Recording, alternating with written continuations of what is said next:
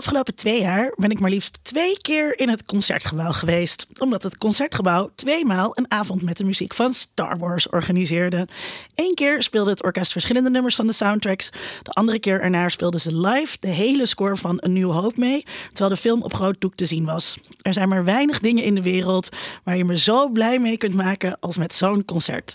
Uiteraard heb ik dus ook al kaartjes voor de uitvoering van The Empire Strikes Back in juli. Mijn naam is Linda Duits en dit is Geeky Dingen.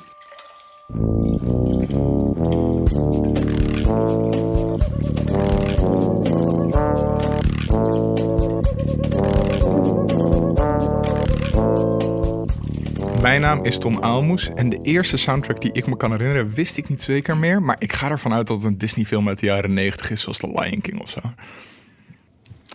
Mijn naam is Dan Hessler Forrest en de eerste soundtrack die ik me kan herinneren is zeker weten Pinocchio. We hadden namelijk een heleboel Disney-platen waar het verhaal van de film op stond verteld. Maar dat was een plaat waar alleen maar de liedjes en de orkestmuziek op stond. En dat maakte het een hele aparte ervaring als kleinkind. Mijn naam is Bart Westerlaken en de eerste soundtrack die ik me bewust was, was The Godfather 3. Mijn Op naam cassettebandje. Is, op cassettebandje, oh wauw. Mijn naam is Linda Duits en de eerste soundtrack die ik me kan herinneren is Dirty Dancing. Yay! Voor Dirty Of Dancing. dat een soundtrack is. Echt maar, wel. Maar dan ja. bedoel je waarschijnlijk dat, oh, hoe heet het? Eh, Jennifer Warnes en... Nee, I've had al the die time of my liedjes. life. Dus ook oude. Be My Baby. Jaren 50 Ja. liedje, Ja, alles. begin jaren 60 popmuziek. Ja, No allemaal leuke Way. Dat. ja, ja, ja, ja, en heel erg bakvisserig. Terwijl ik niet op, eh, op Patrick Swayze was trouwens. Maar ik wou wel... Ik smachtte naar zo'n eh, zomerliefde. Een van de best verkopende soundtracks aller tijden. Waar natuurlijk ook More Dirty Dancing op volgde. Als de sequel op de soundtrack. Met nog meer jaren 50 hits. Jawel. Ah, ja, ja, maar, ehm, onze vorige aflevering, beste luisteraar, ging over reboots en remakes. En soms wil je zelf wel eens iets remaken. In dit geval was het ook een verzoeknummer van onze trouwe luisteraar Bart, die zelf film, filmcomponist is. En we konden natuurlijk het thema. Eh, we konden natuurlijk niet laten om hem dan uit te nodigen eh, voor dit verzoeknummer. Ehm, Ook als bewijs dat er een luisteraar is. Dat is voor een podcast dat het al een hele nou, prestatie denk je het echt niet waar je het Ah. over hebt? We hebben echt. Dat jij nou niet luistert. Duizenden Ik kom op feestjes en dan zeggen mensen me: "Ken- Ik ken je al van je podcast. Is dat op je eigen verjaardag dat, dat mensen dan gewoon zitten? Ja, ja, ja dat, dat ook zo. Ik weet, niet, ik weet niet waarom ik in je huis ben, maar ik ken je van je podcast. Ja, Dit grapje wordt voor mij gewoon nooit oud. Daar zul je mee moeten leven, Linda. ja, ja, maar het is ook, je moet ook gewoon wachten op de dag dat, dat, gewoon, dat, dat jij je voorstelt en dat mensen dan niet zeggen: Oh, ik ken je van tv, maar hè, ben jij niet degene die altijd genoemd wordt in geeky dingen? De dag die je wist dat zou komen. Precies. Ik wacht erop. Ja, ja, dus we konden het niet laten om Bart uit te nodigen. En toen dachten we, doe dan ook meteen die Hessler Forest er maar weer bij. Hoera! Want Sydney is namelijk op vakantie. Ja, naar Mexico. naar México. Groetjes aan Sydney. Aquí quiero hacer una broma en español, pero no tengo una broma. Saludos. Entonces, saludos a Sydney. Ja, Spreek jij Spaans? Mooi. Vond je het grappig? Heel grappig. Ehm, welkom dus aan onze gasten. Dan Hesser Forrest is er weer. Hartstikke leuk dat je er bent. En eh, eh, Bart, Hallo. eh, jij, jij bent er ook weer. Eh, ook al een keer eerder te gast geweest in de aflevering over... Tim Burton. Ja. En Danny Elfman. Ja, ehm, dat, was, eh, dat was heel leuk. Dus we vinden het heel leuk dat je er, dat je er nog een keertje bent. Eh, moeten we nog iets zeggen over de... Ja, ja je, je hebt filmcompo- eh, filmcomponist. Ik kan echt niet praten vandaag. filmcomponist. Rustig, adem in. Ik ben filmcomponist. eh, en ik eh, heb ik vorige keer ook al gezegd, maar ja, hè. Het is een Eh, remake, Het dus- is een remake, dus ik mag weer helemaal opnieuw beginnen. Nou, we hoeven, niet, we hoeven denk ik niet alles, Ik- alles te ik, doe, herhalen. eh, ik doe allemaal leuke films en ook heel veel series de laatste tijd. ja, en dat is misschien wel leuk om te vertellen. We zitten hier in de studio van Bart. Eh, Tom, kan jij beschrijven wat je hier allemaal ziet? Ik kijk naar rechts en ik zie allemaal muziekinstrumenten en platen en eh, heel veel schermen met allemaal sporen audio erop. En hierachter een bak met letterlijke toeters en bellen. En aan de muur verderop hangen allemaal ingelijste LP's, soundtracks. Echt prachtig om te zien. Plus Ja, posters van. Nederlandse films waarvan ik denk dat jij de filmmuziek hebt gemaakt. Dat zijn alle films waar ik eh, Ja, muziek voor heb gemaakt. Hier staan ze ook. echt stoer. Ah ja, Ja, dus hier staat eh, bijvoorbeeld ehm eh, Penosa natuurlijk, Daglicht. Daglicht, Koning van Katoren is echt een knaller. Strike pose. En, en, en het, is dus, eh, het is dus Bart Studio, eh, waar hij ook werkt. En eh, hij heeft net een stukje aan ons laten luisteren van Een wat je stiekem nu... exclusieve preview. Ja, ja, mag je vertellen aan welk project je werkt? Nou, ik was. ja, ik, dit jaar is het echt feest. Want het, het zijn heel veel projecten. Vorige podcast Ik eindigde ik met dat ik, ik, ik had. Ik, vorige keer aan het eind van de podcast zei ik dat ik met iets geheimzinnigs bezig was met vampieren. Dat, daar zit ik nu middenin, dus dat is ook geen geheim meer. Eh Ears of the Night. Eh, tweedelig eh, Europese eh, serie, kinderserie over vampieren. Ehm, Oh, het is een kinderserie? het is een kind, ja, dat zou je niet zeggen als je die, Nee. Nee, ik vond het heel ziet. best wel, Best best wel geladen. Maar eh, eh, Maar dat vind ik met alle vampiers altijd. wat geladen? Geil, geil. Het was, ik vond het... Oh ja, die. Ja, nee, dat, ja precies. Dat is, eh, ja, ja, dat, ja, dat klopt. En heel eng ga ik het maken met, eh, Ja. met, Met eh, koortjes. met schreeuwende koortjes, ja. Ehm, maar dat kinderen kunnen wat hebben, toch, tegenwoordig? Dat, ik eh, vind van wel, maar andere mensen Nou, moet je Pinocchio niet. kijken. Echt, waar ik mee begon. Die film is echt, die is echt ziek. Die is een, gewoon, je wordt gewoon ziek in je eh, hoofd van die film. Hunchback of the Notre Dame. Oh, Ja, dat is ook een ja, hele mooie die is echt duistere. heel De duister. allerengste, eh Taron and the Black Cauldron. Dat is gewoon een nachtmerriemateriaal. Maar dit dus, dit is misschien ook wel, hopelijk. Eh, daar, ben ik, daar zit ik nu middenin en daar ben ik, eh, daar, ik ben bij aflevering eh, vijf. En, maar is het dan ook je, je doel echt om het enger te maken? Nee, want het, het beeld is al vrij eng. Het is, de regisseur is Diederik van Rooyen. En daar heb ik al heel veel mee samen gedaan. Waaronder eh, nou ja, Daglicht, Penosa. eh, en Diederik heeft sowieso een... Ja, die heeft ieder, ieder project wat hij ooit gemaakt heeft... sinds ik met hem in de klas zat op de filmacademie... eh, aan het eind van de vorige eeuw... is gewoon altijd dark. En er gaat altijd ergens iemand dood. En, en, en of er wordt iemand ontvoerd. Het is heel donker. En dat is heeft een beetje ook mij, mij gevormd in mijn filmmuziek. Omdat ik samen met hem... We waren allebei cameraman op de filmacademie. Hij is regisseur geworden. Ik ben componist geworden. Ehm, ja, en nu kreeg ik weer de kans om eh, eh, met hem samen te werken voor een Europees project. En dat eh, heb ik wel aangegrepen. Dus, maar hij, ja, hij houdt van donker. Dus dit wordt een donkere serie. En dat zie je ook aan het, aan het beeld. En ja, dan kan ik natuurlijk wel ehm, blije huppelmuziek eronder zetten. Maar dan, eh, ja, dan hè, moet wel een beetje opvallen. Ja, ja, nou, daar gaan we het straks nog, eh, nog uitgebreid over hebben. Ehm, nog uitgebreider over hebben. Eerst doen we natuurlijk altijd onze terugblik. Tom, wat heb jij de afgelopen twee weken meegemaakt? Gekeken? Afgelopen week eigenlijk. ja, want we zijn nog maar heel kort, ja, dus ik heb niet zo heel veel gezien. Eh, ik ben eindelijk naar Captain Marvel geweest. Waar Sidney het ook al eerder even over gehad heeft. ik ook. Ehm, Sorry, ik schiet meteen in de lach als je Captain Marvel zegt. Ehm, en hij, hij was wel een beetje gehyped van, oh ja, hij is op zich wel, wel, go- wel goed, wel goed, wel oké. Ja, het is een film. eh, Dan ligt hier echt in een ik- sorry. stuip. en ik, ik vond hem niet zo goed. Ehm, het was vermakelijk. Het was, het, het was zeg maar, zeg maar, ik, heb me prima vermaakt twee uur in de bioscoop. Ik kwam naar buiten en dacht zo, ja, oké, klaar. Ehm, Maar, wat dan, maar dat is toch, kan toch juist een hele prettige filmervaring zijn?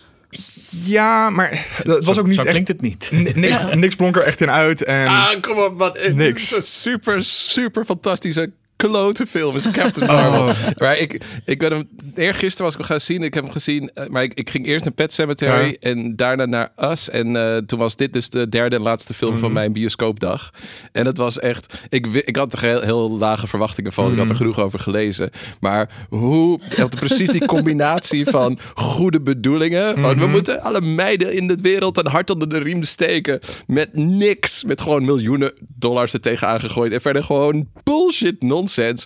Met jaren negentig hits eronder Ja. gegooid. Die geen enkele betekenis hebben. Maar dan ga je Nirvana gebruiken in een sleutelscène. Terwijl degene over wie het gaat helemaal niet Nir- Nirvana niet eens kent. Want die komt Nee, niet uit de jaren heeft geen- 90.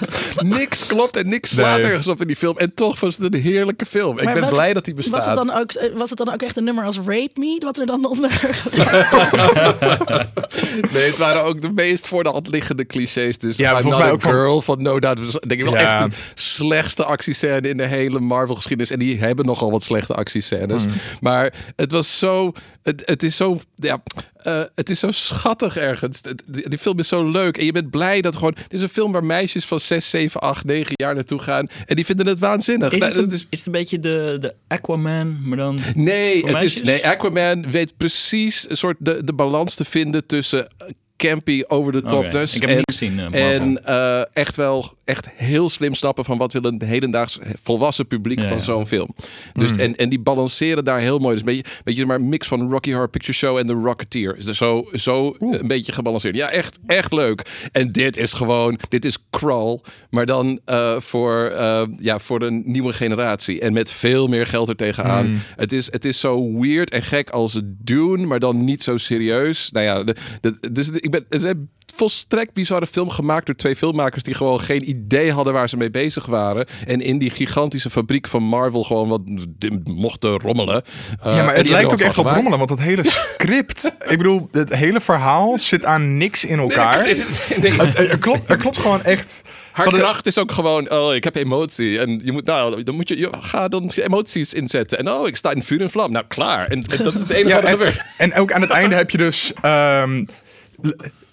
ze wordt in één keer superkrachtig en ze vernietigt een ruimteschip. En Ja. ze is totaal overpowered. En dan landt ze weer terug op aarde en gaat ze een één op één duel doen met eh, eh, Jude Law. En dus dan, dan bouwen ze heel erg op met tonen. En je zit al van ja, maar ze kan een ruimteschip door midden slaan. Dus waarom is dit nog spannend? Nee, niks. Nee, de- Nee, het, het- er is geen suspense er zijn geen daardoor stakes Het op is gewoon, Het is nee. gewoon kijken naar Je weet ook niet wat, wat de emotionele stakes zijn. Nee. Ik ga dit kijken omdat je Jude Law zei. Ja, Echt.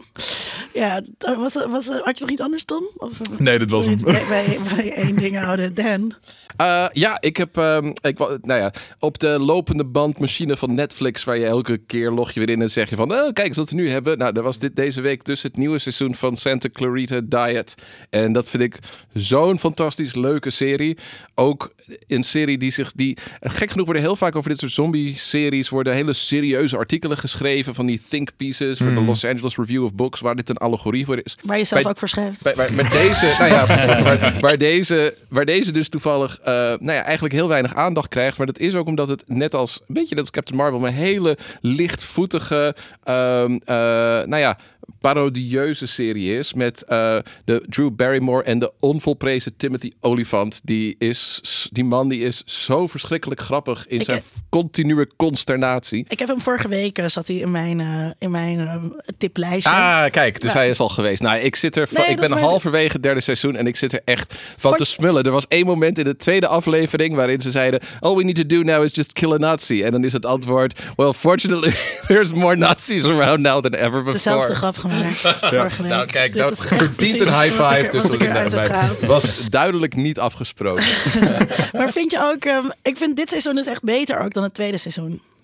Ehm, ja, er zit kan. meer Ja. humor in, er zit meer vaart in. Het is, het is, de parodie loopt wat lekkerder of zo. Ja, ik, weet- ik, kamp, minder, ik vond het aan het begin een beetje krampachtig. Nou, ik vind het. ehm, eh, ik, ik weet niet eens of het. Ik weet niet. Ja, ik, ik gebruik het woord goed nooit voor tv of film, want ik snap dat woord. Ik, voor mij is het gewoon. Het is leuk om te kijken of niet. Ik weet, ik weet echt niet of dit goed is of slecht, maar ik vind het gewoon superleuk.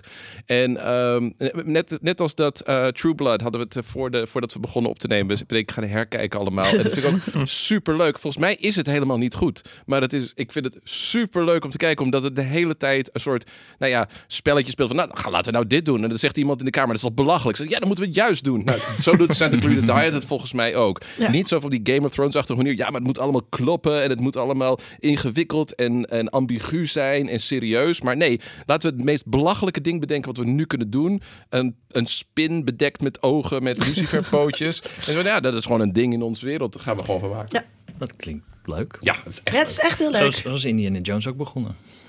Ja, Bij die, bij die grote bal zaten ze in de kroeg. Ja, hij moet van een grote boulder wegrennen. En nu gaan we een verhaal bedenken. ja. Dat, is, dat werkt dan gewoon. Ja. Gewoon Ja, iets dat belachelijks best bedenken. En, En eh, dat hebben ze niet eens gedaan. Ze hebben gewoon een script geschreven. Nog gewoon zonder... Ja, met maar, een en- maar einde het, is, waar- het is natuurlijk ook de, het is ook de gouden regel van ehm, eh, als je gaat leren acteren dat, eh, en je gaat improviseren, wat, wat, jij, wat jij de ander aangeeft is altijd waar. Het is yes and. Ja, het Precies. is nooit no. Ja, Ja, precies. en dat- dus je en dat- overal op En doorbouwen. dat heb je wel inderdaad Ja. een beetje het idee bij Santa Clarita Diet. Dat, Ja. ja. ja, ja. Nog andere dingen die je wil... ehm, Nee, Ik heb al te lang gepraat over dingen van deze week. Bart, Ik heb, ehm, ik, heb, eh, ik heb Spartacus gekeken. Spartacus. De tv-serie. Oh man, mijn favoriet. Ja. Ik was een beetje. Ik, was, ik, ik, ik, ik zit in zo'n gezellige, correcte bubbel. Dus ik was een beetje overspoeld met dingen als Pose en Wonder Woman en, het moest, en, en Black Panther. En ik, ik, ik, dat is allemaal Je wilde vrijbreken van de polycorn. Je had een Michael Jackson documentaire al de hemel ingeprezen. Die heb ik dus niet ook- Nee, het was, maar het was, nee, het was allemaal niet goed. Was- ik denk dan ook, nou, maak dan iets goeds. Maar dan, en toen dacht ik, nou, Oh, vond je Pose niet goed? ik vond het. Nee. Oh, Ik vond, nee, dat, ik, ik weet niet. Dan zit ik zo te kijken en denk ik, oh, wat goed dat dit gemaakt wordt. wat belangrijk. Maar mijn, mijn tenen die staan echt krom van de dialogen. Wordt Dat kwam ook wel een beetje kijken. uit de tips van jou en Sydney van... Het, het acteerwerk is niet heel goed, maar het is toch wel een hele Nee. goed gemaakte serie. En, precies. En, nou ik heb dus... eh, en toen kwam ik eh, Spartacus tegen. En dat is heerlijk gewoon... eh, dat eh, gespierde mannen die aan het vechten zijn. Vrouwen met blote borsten die aan het kerren zijn. Heel veel piemels. Eh, heel veel ru- gigantische rubberen piemels. Hebben we het is- nou weer over True Blood? Nee, maar dat is... Nee, Die heb ik dan weer niet gezien. Spartacus nee, maar er wordt, gewoon, piemels. er wordt gewoon... Nog meer piemel? echt, nou, je hebt helemaal geen piemels in. Zeker geen stijve piemels in Ik bij zie echt, True als Blood. ik True Blood kijk, dan in mijn hoofd zijn er dus nog Ja, Ik wou het niet over de piemels hebben, maar... eh, Jij begon daarover. Het is, het, nee, het is, gewoon, het is gewoon grappig. En het is eigenlijk, het verhaal is een soap. En het is dan een beetje op eh, zijn eh, 300 gefilmd. Dus eigenlijk, als, als, je dus, als je de afleveringen normale snelheid zou afspelen... dan is het gewoon een aflevering van 10 minuten waarschijnlijk. Maar alles is slow motion. Het bloed, dat doet er echt... Het is ook allemaal Een in op over- een greenscreen uh, studio gemaakt. ja, en Dus I alles don't care. Ja, het is echt, fantastisch. je volgt het, je kan lekker... eh, Ik denk, nee, twee seizoenen er doorheen gejast. En, eh, Oh, het wordt alleen maar leuker. En natuurlijk eh eh, eh, Xena, eh, Princess Warrior, die speelt ja. mee. Dit is natuurlijk ook een soort iets uit, uit mijn jeugd. Lucy Lawless, ja. Lucy Lawless. Haar man is En, de regisseur en schrijver van het geheel. Dus die, Is, dat is Raimi. Of nee? Nee, Steve, eh, eh, Sam Raimi is executive producer. Maar haar man is Nieuw-Zeelander. Ik weet even, ik, zijn naam ontschiet me even. Maar Google is jullie vriend, beste luisteraar. Ja. Eh, en eh, daar... eh, Ook jullie daar, zo, is zij, zo is zij erbij. Ja, precies. Vooral onze vijand. dat, maar ik- goed. dat viel me op, want het, de, de componist, leuk eh, in het thema, dat is ook dezelfde als Xena. Ja, het is echt een, een ploegje. En het is, eh, het is leuk, lekker overdreven geacteerd ook. Er wordt alleen maar... Uh, Battiatus, de hoofdrolspeler, die, die, eh, de, de baas van het slavenhuis, die, alles wat hij zegt schreeuwt hij. Het, het- ik denk, het is gewoon lekker, eh, lekker gewoon groot, bigger than life. Ik vond het eh, fijn. om Ik te ga dat kijken. Ik heb een heel hoofdstuk van mijn boek over science fiction en fantasy aan Spartacus gewijd. Ook al is het nog science fiction, nog fantasy. zo leuk is het. Maar Zo leuk. Hoe heb je dat onlangs editors gekregen? Ehm, nou, omdat eh, de, door de, precies door de manier waarop Spartacus de serie is gefilmd, eh, Ja. Is het publiek, valt het heel erg binnen een hele specifieke vorm van genre, televisie en cinema, die nou ja, Hmm. in die science fiction fantasy categorie valt. Dat was in ieder geval mijn argument. Dus als je kijkt naar het fandom eromheen en hoe de Ja. eh, Spartacus eh fancons worden georganiseerd. Dat zijn allemaal mensen die vanuit fantasy en science fiction hierbij. En het is zo echt, het, weet je wel, het, is, het speelt zich af in het oude Rome, maar het is in hoe het eruit ziet en in alles is hè? het zo ver verwijderd van realisme. Het is en in dat, in dat opzicht is het dus ook pure fantasy. Het doet geen enkele. Het doet het is bij het tegenovergestelde Nee, en de- van zeggen en van de- we gaan realistische kostuums of zo. Denk je, van, je bent nu Game of Thrones en zo gewend, maar dit, de effecten, dan zie je een topshot van de arena. En dat is echt gewoon alsof je een computerspel uit 1980 Ja. speelt. Ja, en het is overal digitaal bloed. Wat, over, wat weet je wel, iemand wordt onthoofd en er komt Ja. gewoon een gijzer bloedspuiter uit, uit die is nek. fantastisch. Eh, de enige.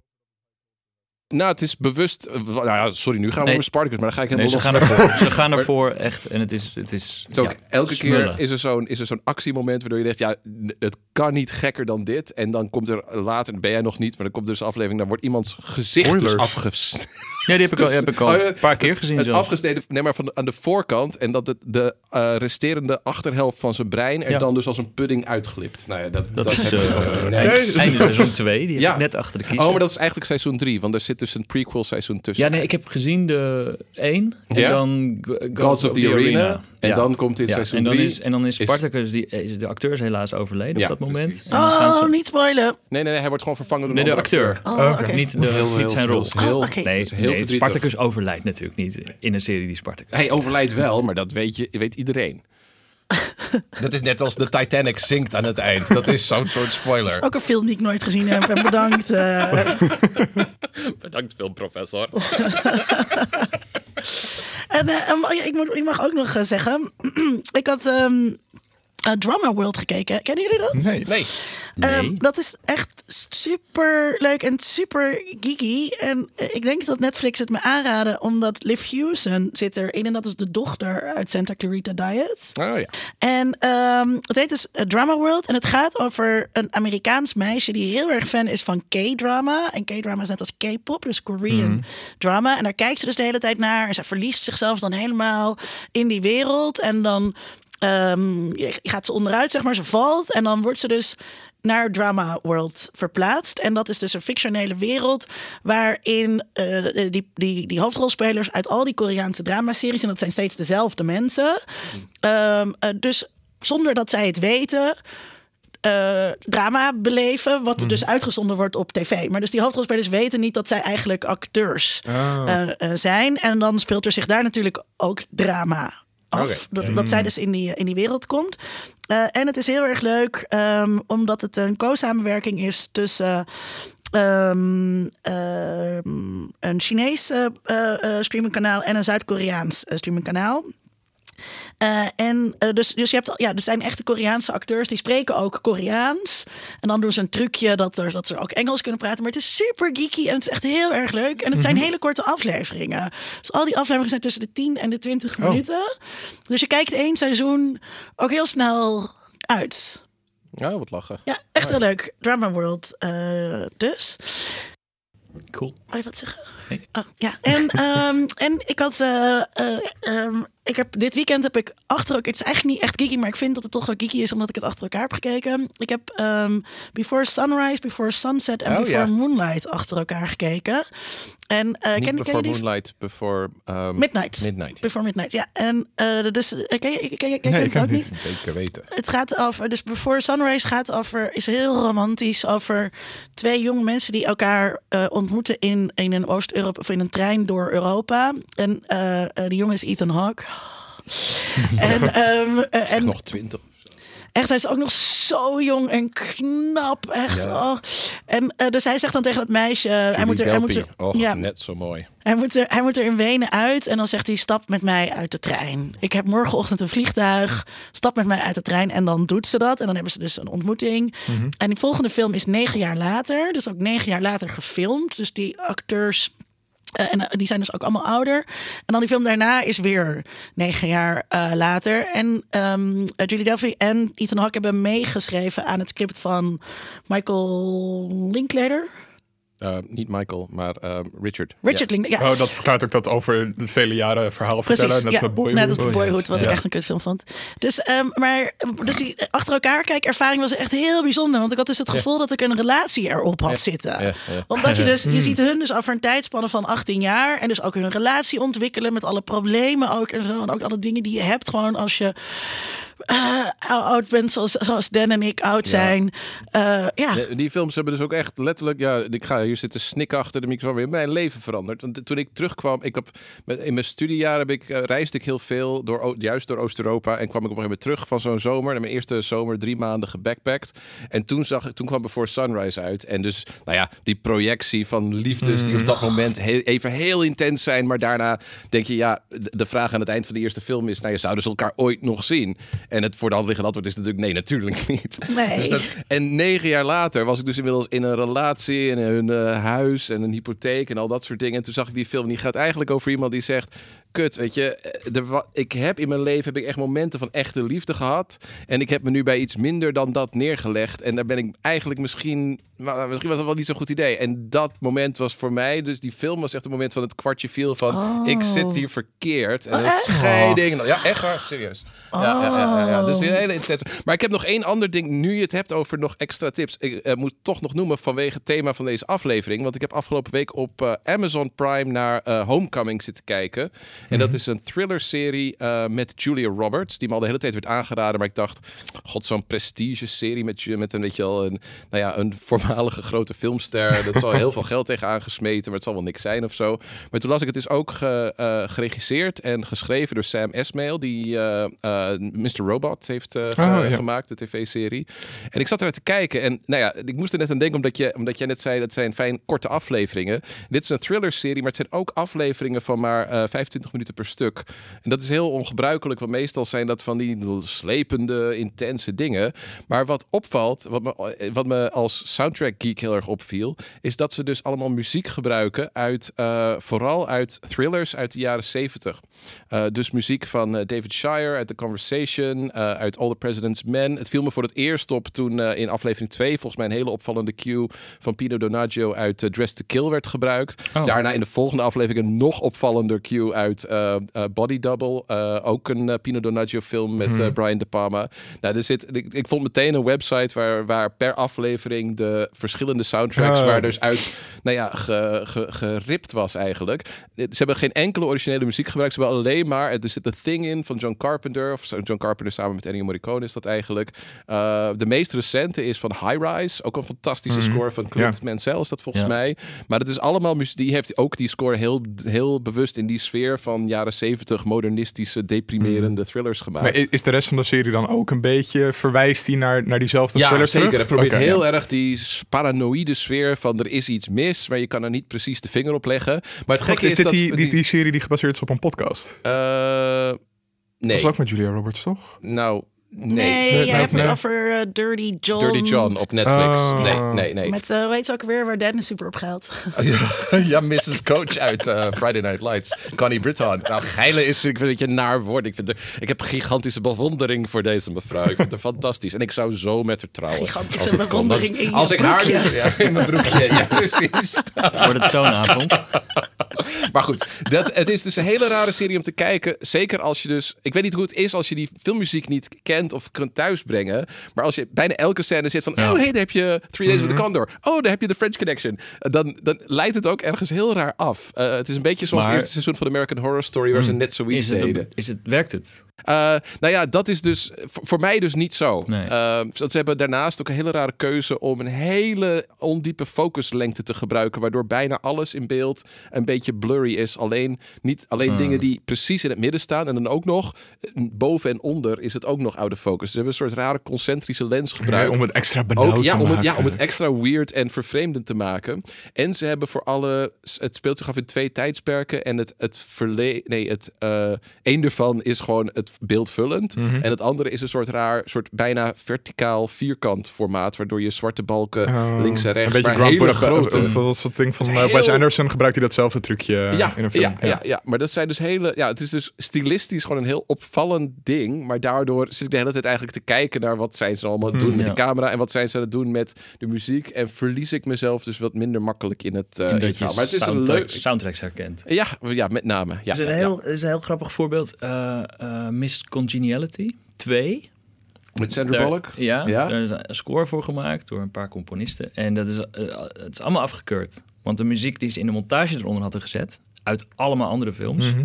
die, ja, daar waren de, de, de, de Temple Love, zoals we dat dan noemen... daar was de regisseur verliefd op. En die wilde gewoon geen nieuwe score. Dus Maar dat uiteindelijk... komt heel veel voor. Toch? Uiteindelijk- 2001 is het eerste Nee, voorbeeld waar ik aan hier, denk. hier kwam, dit is echt het beruchte voorbeeld Ja. dat, het, dat, het, dat het gewoon, dat er geen nieuwe muziek gekomen is. Ja. Dus je zit Miss Congeniality te kijken, is hetzelfde, hetzelfde effect. En dan hoor je ineens Chicken Run, of dan hoor je ineens eh, eh, Sleepless in Seattle. Of... Ja, Heel ik, die film zit vol met romcom-achtige. ik wou nog een bruggetje scores. maken, maar, er- maar er Oh, was sorry, ik- natuurlijk ik- al geen brug, ik- bruggetje. ik heb het al Ik over heb de- We hebben de brug al. Nee, ja, dus ik- ja, dus ik zeggen van, We zijn er overheen. Dat is een mooi bruggetje, maar we zijn dus al de brug over zonder dat we het bruggetje hebben gemaakt. Maar we gaan het wel, wel even doen, want eh, we zitten dus hier bij Bart en we zitten, er liggen heel erg veel cd's eh, op tafel.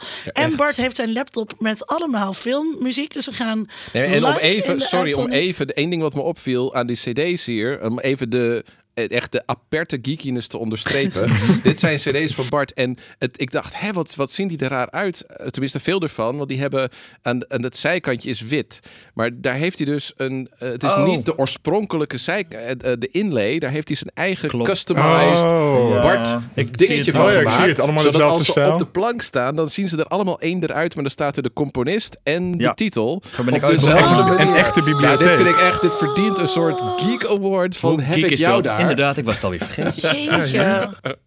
Oh, ik heb erop zitten puzzelen van, is dit een ja. soort een bijzondere uitgave? Want ik heb die cd ook, maar die ziet er niet zo uit. maar dat ik nee. En dat zijn vaak ook nog, ook nog in de logo's van de Ja. film, maar dan in zwart op wit, zodat je het perfect kan lezen. Ja.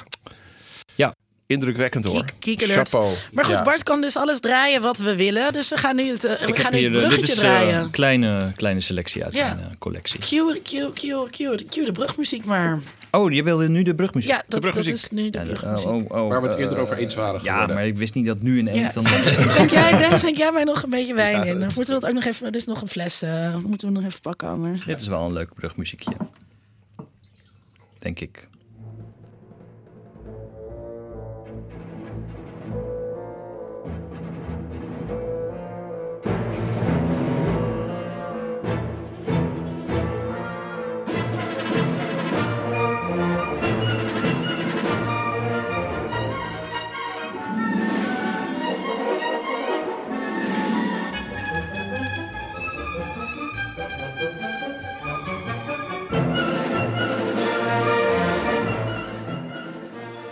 Heel groot, vind Bernard. Herrmann, North by Northwest. Uit de jaren 50. Oh, het exacte jaartal? Ja, zoiets eind. Ja, precies. Ja, ja. Ja. Nou, dat, dat, dat is- ook meteen het eerste thema eigenlijk waar ik het over wil, ehm, eh, wil hebben. Maar eigenlijk wil ik het een beetje beginnen met, eh, met wat ontwikkelingen eh, in, eh, in filmmuziek. Filmmuziek begint bij de film. Zodra we film als medium hebben, of net iets later. Bij de Lumière zat Net er nog later. geen, eh, zat er geen muziek onder. Nee. Maar dan, Dan, kan jij daar iets over? Daar kan, daar kan Dan vast iets over. Ja, ja nou ja, de eerste films waren eh, kermisattracties. Dus eh, mensen, onder andere de gebroeders Lumière, die zetten een tent op op de kermis. En die gingen daar bewegende foto's laten zien. En dan kreeg je dus eh, nou ja, een filmpje van eh, nou, tussen de 20 seconden en alle twee minuten op een gegeven moment. Een hele grappige met een tuinslang.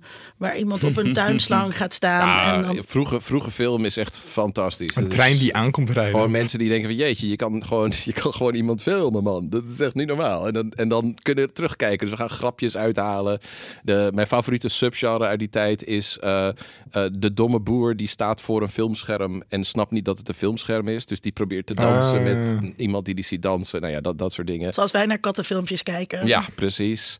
Ehm, De memes Maar- uit de 19e eeuw. eigenlijk Neemerijen. Ehm, verhuisde die al heel snel van de kermis naar de variété eh, theaters. En daar stonden ze dus op een... eh, ja, daar werden ze dan tussen de andere live acts werden ze laten zien. En het is natuurlijk heel raar als dat ineens helemaal stil wordt... en mensen gaan dan naar een paar van die filmpjes kijken. Dus de aanwezige muzikanten op de tingeltangel piano... of soms met af, volledig orkest, afhankelijk van wat er aanwezig was... die gingen mee zitten spelen. En die improviseerden daar gewoon muziek bij... terwijl ze naar het scherm zaten te kijken. Dat was echt improv. Ja, dat was hartstikke improv. En eh, nou ja, naarmate je dus op een gegeven moment dat, het, dat de lengte van films begon te groeien en er een markt voor ontstond en er eh, nou ja, theaterzalen werden omgetoverd tot bioscoopzalen in, eh, en niet alleen maar een reizend medium werd, kreeg je dat daar dus piano's werden neergezet in grote, en naarmate het nog een groter medium werd, dat je grote prestige theaters kreeg, waar hele orkestbakken aanwezig waren. Dus we denken heel vaak van het is, we noemden het vaak stomme film in de zin van dat er geen geluid bij was.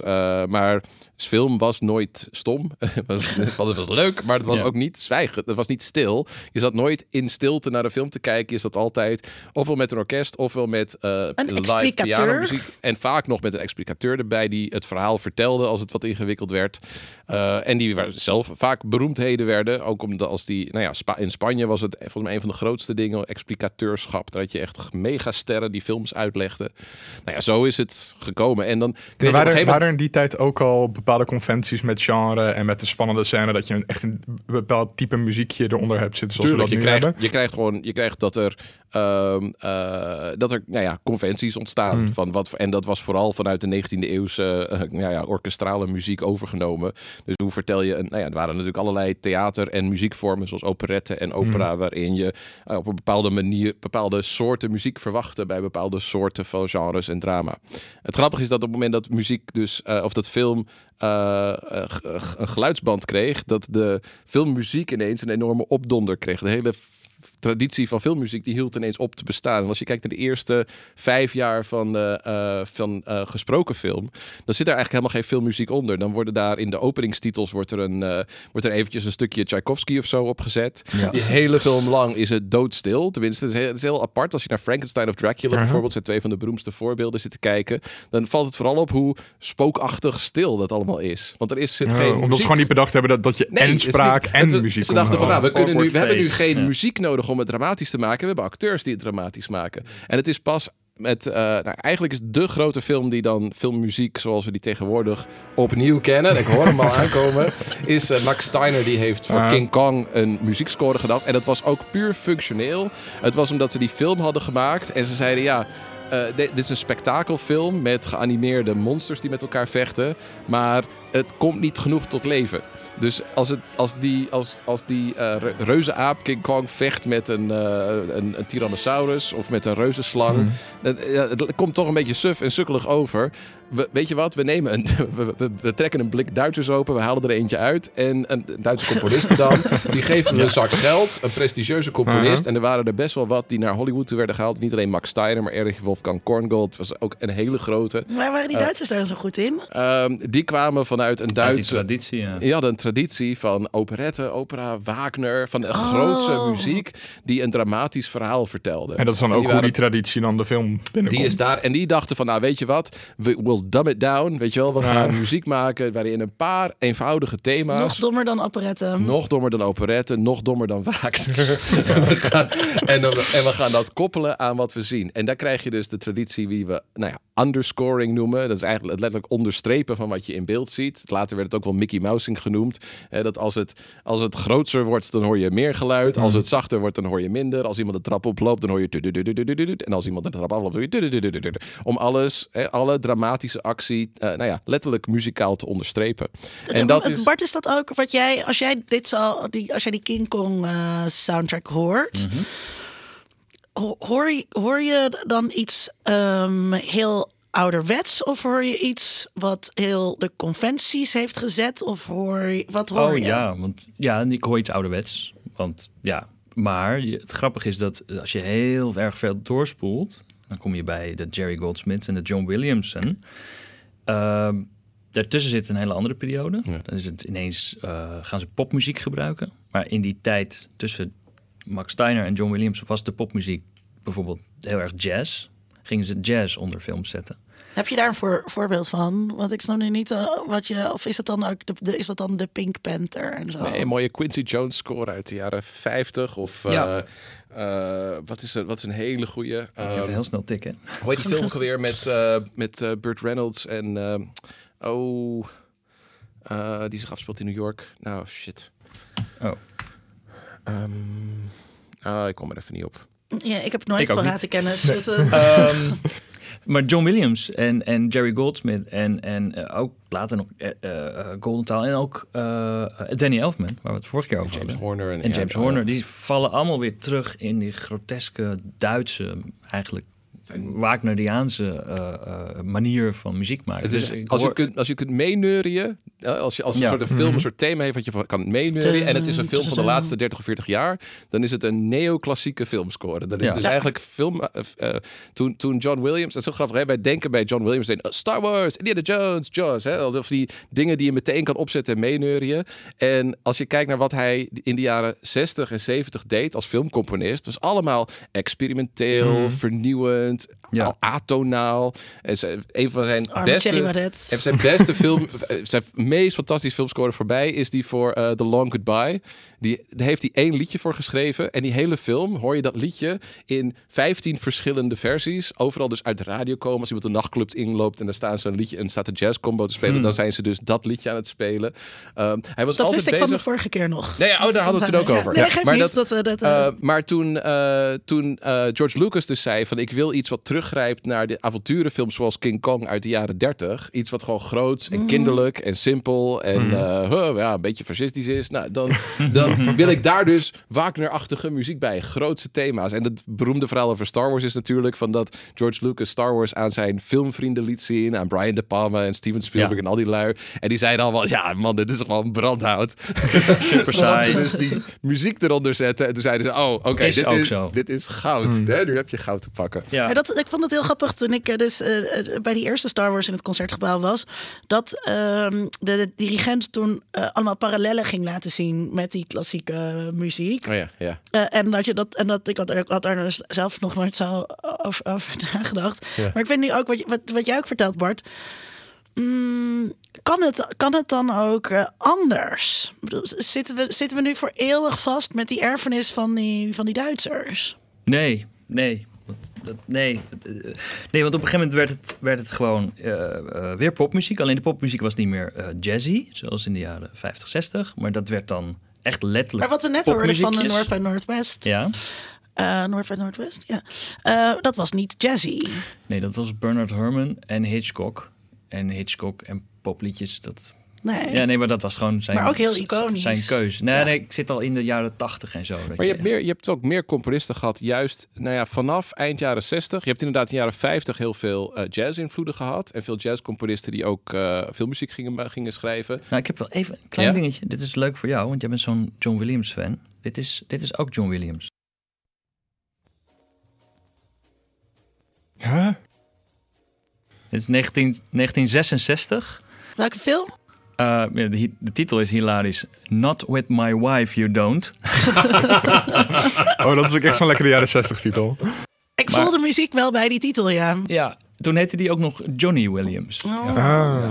Ook wat Maar eh, dat is om een beetje om te illustreren. Die is ook gewoon met zijn tijd meegegaan.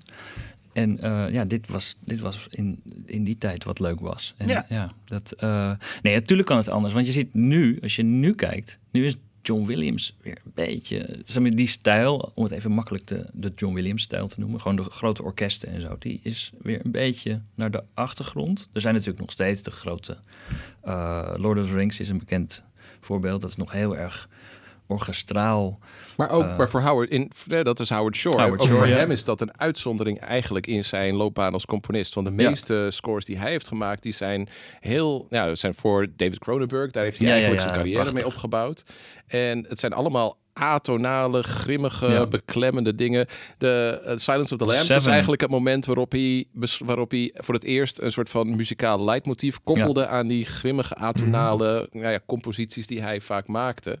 En, eh, en je ziet dat hij, dat hij voor The Lord of the Rings zei, van, nou, als, we, als we Wagneriaans gaan doen, nou goed, dan krijgt echt every Ja. fucking body in deze film krijgt een leidmotief. Ja, deze ja, film ja, die kun je letterlijk met je ogen dicht kijken. En je weet precies wat er wat er gebeurt, en wie Maar die film had ook is. niet zonder zo'n score gekund. Ook, om, ook omdat de Lord of the Rings zelf natuurlijk heel erg teruggrijpt op Ik Wagner. ben dus heel benieuwd. Ik zou dus heel graag. We we hadden het eh, eh, voor de uitzending over Legend van eh, Ridley Scott. Die dan. Die had dus ook zo'n. Jerry Goldsmith. Die had daar zo'n klassieke, formalistische, melodische score Ja. voor gemaakt. En het publiek, het testpubliek ging naar. Die zeiden van. Ah, wat een baggerfilm. Dat is helemaal niks. Dit verhaal En- ken ik uit de vorige podcast. En hij had. En Ridley Scott die had. Oh, had ik het toen ook al. Het is gewoon een heel leuk verhaal. Ja. Daarom moet de student ook nooit een tweede vak bij mij volgen. Die krijgen gewoon altijd Alle dezelfde grapjes verhalen opnieuw. weer opnieuw. Ja, echt. Eh, maar anyway, die had, die, toen, toen zei het testpubliek van nee, eh, dit, dit willen Nee. we niet. En hij had het Blade Runner trauma net gehad. En hij zei, nou, dan gaan we alles radicaal over een andere boeg gooien. Dan gaan we Ja. er een pop, dan gaan we Tangerine Dream vragen om het, eh, om het te doen. Dus je hebt twee verschillende soundtracks, totaal anders qua Ja. sfeer. Maar het- ik ben dus heel benieuwd wat een soort van Tangerine Dream-achtige Lord of the Rings was geweest. Ja. Of zoals Dune is een van mijn... eh, Ja, of iedereen, Tangerine Dream, Dream-achtige Star Wars. Ja, Het eerste idee Ja. was om eh, een elektronische score Ja. Bart, eronder te waarom, zetten. waarom ehm, omdat we nu ook een beetje zitten te grappen over remakes, waarom worden er nooit eh, eh, remakes van eh, sound van, van filmscores gemaakt. Want je kan je dus heel goed bedenken dat, oké, een film is op een bepaalde manier gescoord, dat je Ja. dat ook op een alternatieve andere manier kan doen. En dan heb je een hele andere film. Hoe bedoel je dat? Een nieuwe score maken Ja. voor dezelfde Voor een film? bestaande film. Dat Money gebeurt, gewoon- dat gebeurt. Maar dat gebeurt meestal voor Even films denken die geen filmmuziek Wat hadden. je precies Dus bedoelt. zoals Philip Glass, die heeft voor Dracula... Maar dat je dus niet, dat je dus, dat je dat dus niet John Williams eh, Star Wars hebt, maar dat gewoon een andere componist zegt: Oké, ik, ga, ik ga ermee aan de Wow. slag. En ik ga eh, ehm, mijn eigen score hier Maar dat, opmaken. dat En, gebeurt dus wel, maar dat is met zwijgende films. Dus Frankenstein Ja, heeft zo'n score. Eh, eh, Philip Glass heeft er een voor Dracula gemaakt. Ja. Omdat hij zei van ja, er zit geen muziek in. Ik denk dat de reden waarom eh. het niet gebruikelijk is om te doen... is dat het is een beetje hufterig voor degene die, die de muziek oorspronkelijk had gemaakt. maar we hebben ook director's cuts, waar, waar Hmm. ook uit blijkt dat er, dat er oneenigheid was over bepaalde dingen. Dus waarom zou je dat dan hier niet kunnen? Nou ja, de, de- ja, Legend is een van die weinige voorbeelden waar je dus wat je twee zegt. versies hebt. Als een, als een eh, de director's cut. Als de director zegt, dit was, dit was een keuze van de studio, dat het zo en zo geknipt is en dat die maar anderhalf uur duurt. En dan komt Ja. er zo'n director's cut over twintig jaar later en die is Ja, dan ineens twee uur lang. Dat is een nieuwe edit. Dan zou je zeggen, eh, zou een, nee, ja, het, Nou, het bij, komt niet eh, heel vaak voor Uh, als nee, het maar Touch of, Evil. Touch of Evil van Orson Welles is een voorbeeld. Daar eh, had hij eh, bedacht van, Ja. nou ja, we hebben een heel lang, legendarisch lang openingsshot. Duurt iets van eh, 3,5 minuut of zo. Heel lang tracking shot door zo'n grensplaatsje in, eh, in Mexico. En hij was klaar. En de studio die zei: Ja, nee, dit, is, dit, dit shot duurt veel te lang, is veel te saai. Daar moet een lekker liedje onder voor de opening credits. En hij zei: Nee, dat is precies niet wat we moeten doen. En hij werd gewoon overruled door de studio. En Henry Mancini, componist van bijvoorbeeld, ah, hier heb je hem, componist van de, eh, de Pink Panther thema, die heeft daar dus een liedje, een, nou ja, een muziekje onder gemaakt. En je kunt nu Een muziekje. al een muziekje. zei hij heel respectloos. En als je dus eh, op de Amerikaanse Blu-ray van Touch of Evil staan nu drie verschillende versies van die film. Eentje zoals hij dus is verschenen met die cues van Henry Mancini eronder. Eentje eh, die later is gevonden in een archief en die ze dus op die manier als soort van preview hebben opnieuw uitgegeven. En eentje die is gerestaureerd op basis van de notities die Orson Welles had gemaakt naar aanleiding van de film. Waarin hij zei, ja maar dit moet nog allemaal veranderd. En daar hebben ze dus onder andere die, eh, heel veel van die filmmuziek juist weggelaten. Omdat dat zijn oorspronkelijke keuze was. Ja. Ja, maar, ja, maar steeds min. Dat zijn wel echt Ja, paar voorbeelden. ja Want die zijn is- er heel Maar heb weinig. je nooit, heb je nooit dat, dat je handen jeuken? Nee, als iets af is, is iets af, vind ik. Nee, maar als je dus van iets van iemand anders kijkt, dat je denkt, wow, dit is echt zo kut. Ja, dat heb ik wel. Maar dan heb ik niet zoiets van... Ik ga voor gratis. Ik, ik ga de muziek eronder uithalen en... Nee. Nee, het, want is, het, is op, het is- op internet is het heel genre. Even De, de versies van eh, Ja. bijvoorbeeld de Throne Room fight in eh, The Last Jedi. Eh, daar kun je echt op, weet weet je wel, 50 verschillende nou ja, muzikale keuzes is- die daaronder worden niet- gezet. Ja, Dus- dat, maar dat is, dat is interessant. Maar dat is niet een film remake. Want Nee. dat doe je eigenlijk net... Ja, je kan edit opnieuw doen, je kan muziek op... Nee, nee, dat is... Ik weet niet. Als iets af, als iets af is en... Heel af en toe een director's cut waar ik het mee eens ben. Maar dat zie je ook steeds minder. En zie je trouwens, eh, want dus vorige keer ging het over, rem- dit, over remakes, dat bij films die geremaked zijn, Mhm. dat dan muziek ook terugkeert. Soms. Dus ik moet nu denken aan Ghostbusters, wat natuurlijk ook heel iconische muziek. Dat Nou ja, Ray, nee, Ray dat is Parker gewoon een Jr., liedje. dat is het liedje. liedje, ja, misschien is het alleen het liedje. Nou, ik, ik moet meteen denken aan Superman Returns. Bij Superman Returns was echt een poging om Ja. niet alleen de franchise opnieuw tot leven te brengen, maar daar hebben ze gewoon een nieuwe eh, eh, componist, John Ottman, hebben ze ingezet om precies het Ja. Superman-thema van John Williams opnieuw te orchestreren. Ja, dus en- hij heeft het gearrangeerd, hij heeft er een paar eigen ideeën aan toegevoegd, maar de hele filmmuziek van die film is gewoon het Superman-thema van John Williams door een nieuwe, door een nieuwe componist, eh, nou ja, een beetje geboetseerd en zodat het past bij Ja. een hele nieuwe versie. Dat, dat heb je ook met de eh, nieuwe, ehm, de, de Hans Zimmer soundtracks voor DC. Die grijpen ook terug op bijvoorbeeld die John Williams Superman muziek of op eh, Danny Ja, Elfman's. Batman muziek. Ja, ja. Nou, nauwelijks hoor. Nee, maar nauwelijks, maar er zit een Oh, beetje er is qua... een conflict- nee, nee, nee, conflict maar, maar een beetje qua akkoordenprogressie. eh of Elvis weet niet of dat goede, eh, was geloof ik de eh, eerste. maar- maar hij doet- hij doet heel erg- eh, eh, in ieder geval bepaalde tonen en hints naar melodietjes Ja. in die muziek wel verwerken. Ja. In zijn remake. Bart, jij zegt nee? Ik zeg ook... mm. Ja, nee, ik wil niet. Het is een beetje een. eh, vorige keer ging het er ook over. En dat gaat het meestal over ineens. Iedereen heeft dat filmpje ook gezien van al, dat al die Marvel scores op elkaar lijken. Ja, wat, dat- Ja, dat- nee. En dat hebben ze zelf ook gezien, want het is echt veranderd sinds die tijd. Is ja dat klopt. Dat, ja, maar het zijn nog. Ja, ik weet niet. Ik heb nog steeds niet van. Wauw. Nee, dat, niet zoveel. dat- ik, ben, ik ben een beetje afgehaakt qua superhero scores bij. Ik denk de, de eerste Batmans van Nolan. En daarna is er voor mij niet. Spider-Man van Elfman was nog wel aardig, maar. Spider-Man 2, ja. ja, ja, ja. Ik, eh, het, het- het- het- nee, maar wat, eh, de, de- dus daar ben ik het, dat, ja, ze zullen, ze zullen misschien wat met citaatjes doen, maar dat vind ik dan niet zo interessant of zo. Dus ik, er is trouwens wel een bekende remake van muziek, en dat is niet eens eh, zoals Ottman iemand thema's geven van Superman en maak maar wat nieuws, maar wel met die thema's, maar echt letterlijk alleen de orchestratie is opnieuw gedaan. Dat is de remake van Psycho. Ja.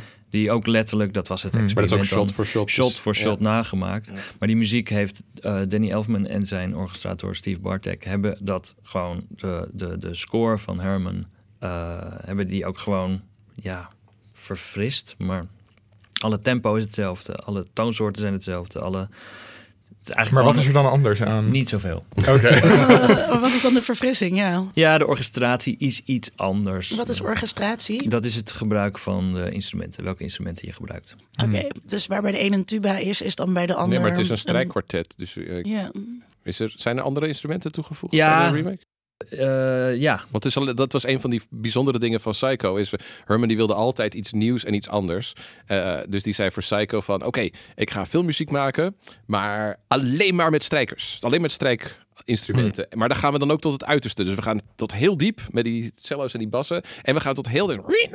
Zo, zo gek en ja, raar. Als alles wat we kunnen halen uit deze instrumenten halen we eruit. Maar uit een heel beperkt vocabulaire. Dus dat is, ja, nee, dat is eh, heel typisch Herman. Volgens mij hebben ze het wat, wat wolliger en wat... Dit is de nieuwe. Nee, dit is de oude Dus kan je ook de nieuwe laten horen? Oh, dat kan ik wel even doen. Dat is, Eh, dat is dan wel... eh, The Murder, dit is de nieuwe. Oh, oh. Ja, dit is dan misschien een slecht voorbeeld. Zijn dus, ja, het zijn dezelfde instrumenten, maar je hoort de, de, de, ja, de nuance. Er zitten nuanceverschillen in de manier waarop het is gedirigeerd. Volgens Ja, dit, dit ga je ook niet echt aanpassen in zo'n remake, denk ik. Die nee, scène. maar dit was zo conceptueel ook dat het een, niet een remake was, een le- dat het een letterlijke remake was. Maar dit is, ik hoor nu wel, dit is een groter orkest. Dit is een is groter een groot orkest, een groter en- ensemble dan en de opnametechnieken zijn natuurlijk Ja. heel erg Ja, veranderd. zeker. Dat, eh, eh, ja. Vond, jij, vond jij de tweede beter, Tom? De tweede? Ja. Van, van de, de Shrieks? Ja. Ehm, ja. Ik weet niet echt. Nee, dat, is- Het zijn gewoon, gewoon Shrieks. daar kan je Ja. ook niks zinnig op zeggen. Het, is- Nee. het klinkt wat helderder, maar dat is alleen maar omdat de microfoons beter waren of zo. Ja. Dat, eh, dat, eh, het is niet. eh, ik vond het leuk, maar Ik, ik wil het even graag hebben over je werkwijze. Want we hebben hier iemand zitten die het maakt. En de maakkant van populaire cultuur vind ik als wetenschapper waanzinnig interessant. Jij ook toch, Dan? Zeker weten. Precies. Dus eh, kan je daar iets over vertellen? Hoe, hoe, je, hebt, je hebt het mij al laten zien, maar wat, wat, wat doe je eigenlijk? Wat doe ik eigenlijk? Wat doe ik eigenlijk? Ik, ehm, eh, eh, ik word benaderd door, als het goed is, is dat een regisseur. Dat is het leukste altijd. Ehm, eh, of ik mee wil doen aan een project. En dan gaan we een beetje ouwe hoeren. En dan gaan we een beetje, eh, nou wat we nu eigenlijk doen, plaatjes draaien en biertjes drinken. En eh ik krijg het scenario. En meestal is het dan, eh, moet er gedraaid worden. Dan moet de film gedraaid worden. Maar en, en op basis van wat voor criteria beslis jij dan... dit is een project wat ik wil doen? Nou, tot heel lang gewoon. Eh, mag ik het doen? Oké, waar moet ik tekenen? Eh, ik heb nu voor het eerst eh, gewoon dat er, omdat ik wat meer gevraagd word, dat ik, dat ik gewoon iets selectiever kan zijn. Dat je nee kan zeggen tegen klussen? Ja, ook omdat ik het ook gewoon te druk heb. Ja. Ehm, eh, Maar ja, dus dan, je hebt, je hebt met, de, met de regisseur een beetje gekletst, een beetje bier gedronken. Je hebt wat dingen voor, voor Ja. hem gebruikt. En dan gaan zij is- filmen. ja, als het en dan goed is, denk jij, het, is, is dat al gebeurd voordat er gefilmd wordt. Ja, dat is het leukst, want dan gaan ze filmen en kan ik al een beetje voorpretten hebben en eh, Maar ga je dan- nadenken. maar wat, doe je dan ook iets? Want Tijdens het filmen doe ik meestal niet zoveel. Als het, als het lukt, Eh, ga ik even een dagje op de set kijken. Als die set in de buurt is. En niet in eh, Nieuw Mexico of zo. Ehm, Of gewoon Mexico. of gewoon Mexico. Hoi Sydney. Eh, oh, hoi. Ja. Ehm, eh, en eh, misschien al wat schetsen maken. Als de, als de regisseur dat prettig vindt. En, En, dan, wat is dan zo'n schets? Want ik weet hoe, dat, hoe, hoe, hoe een, een tekenaar dat doet, maar hoe doet een componist dat? Dat is um, instrumentkeuze. En dat is gewoon nadenken over. Bijvoorbeeld, ga ik met een strijkkwartet aan de slag? Of doe ik een koortje? Of doe ik een koortje, zoals bij de, bij de vampierentoestand. Ehm eh, ga ik klassiek? Gaan we, of hebben we gewoon No Gods No Glory? We gaan iets heel raars doen. Dat vind ik eigenlijk altijd het leukst. Als een regisseur eh, gewoon zegt van eh, surprise me. Of zelf zoiets heeft van eh, ja, dit is eh, zo'n soort genre. Dus daar hoort deze muziek bij. Maar heb je iets anders? Ehm, dat vind ik altijd gaaf.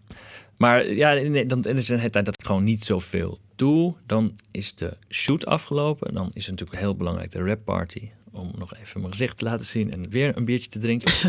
Ehm, en dat grap is altijd, de rap party is voor alle mensen op de set is dat het einde. En voor mij is dat meestal het begin. Ja. Ja, want jij moet je werk echt in dat laatste, jij met het de caboose zeggen ze wel eens, dat laatste Klopt. stukje van de trein, wat Ja. op een grote tijdsdruk nog Ja. even. Want dan komt de edit. Ja. Dat zijn de editors, die gaan hem in elkaar knippen. Ehm, en dan komt er de lock, zoals het heet, de edit lock. Dat is het einde van de montage. Dus dan is hij helemaal getimed en dan zitten alle shots op de juiste plek achter elkaar. En dan gaat er eigenlijk, gaan er nog drie partijen aan de slag. Dat is de sound designer. Die moet alle dialogen schoonmaken. Eventueel moeten de acteurs wat opnieuw Schoonmaken? inspreken. Schoonmaken, ja. Dat er als, als dat er eh, flubbeltjes en geluidjes of de regisseur die actie roept, zit er nog doorheen. Het moet allemaal schoongeknipt Of iemand op de achtergrond die eet een kaasstengel? bijvoorbeeld. Eh, bijvoorbeeld. Dat, eh, die Om maar iets die te moet je doen. maar laten. hè, Die mag je er de straks dus niet ja. meer uit editen, Tom. Die kaasstengel, die moet nu... Tom is eigenlijk de sound designer van deze, Ja. van deze podcast. En eh, de tweede zijn, is de, zijn, zijn de visual effects. Dat is natuurlijk niet altijd het geval bij eh, zo'n doorzonwoning drama of een eh, weet ik veel wat, een romcom. Maar er moet wat altijd visueel ook nog wat gebeuren. Eh, dingetjes weggepoetst. eh, eh, tot hele grote effecten zoals vliegende draken of whatever. Kerken in elkaar schuiven. Kerken die in elkaar schuiven. eh, dat soort fratsen. En moet je dan ook, dan moet je componeren op van die beelden dat er dan staat ineens shot missing. En Ja. Zo, dat je, ja, Ja, precies. want de Dan timing is wel goed. ja. Dus dan krijg je dus een Dan titelkaart. weet je, hier komen vier seconden waar je dus een Ja. draak voorbij ziet En dat heeft vliegen de of zo. editor dan Ja. keurig Ja, in ja, beeld ja. geschreven van eh, eh, Oh, lachen. VFX, Ja. Visual Effects. Draak. Ja. En, eh, en die gaan eigenlijk alle drie dan tegelijk eh, eh, aan de slag. Dus sound design gaat dan de dialogen doen. Soms komen er nog acteurs opnieuw Maar die doen misschien ook nog voetstappen. Ja, die- al die dingen. Voetstappen, effecten, explosies, tot en met zuchtjes en stapjes en Eh, en de visual effects worden gemaakt. En ik ga dan ook aan de slag. En nou ja, dan komt de regisseur langs. Dan gaan we het erover hebben. Dan gaan we spotten. Dat is de film kijken eh, zoals die is op dat moment. Eh, om te kijken waar de muziek moet en wat voor muziek. En dan uh, ouwe hoeren en zo. En nou, dan komt dat beruchte eh, fenomeen, de temp track. Ja. Waar we het net al over hadden. dat ik dan, want tijdens de montage, het, sommige dingen is gewoon heel fijn om met muziek te monteren. Eh, dus dan knip je het op de muziek. Achtervolgingen of zo. Dat is gewoon niet denkbaar dat je monteert zonder eh, achtervolgingsmuziek. Dus dan gebruiken ze gewoon... Nou, dan zitten ze ook zo aan tafel met allemaal cd'tjes uit Hollywood. En dan denken ze, plakken laten, ze dat eronder. laten we een leuke Wagner erbij pakken. Ja, of ze zetten Lord of the Rings eronder, of Back to the Future. Of, eh, en dan krijg ik dat. En ik vind het... eh, het heeft voordelen en nadelen. Niet alle regisseurs die kunnen spreken in muzikale termen. Ja, want, want, want, want auteurschap is natuurlijk het lievelingsonderwerp van ons in deze podcast. Ehm, Is het- is het soundlogo al af daarvoor?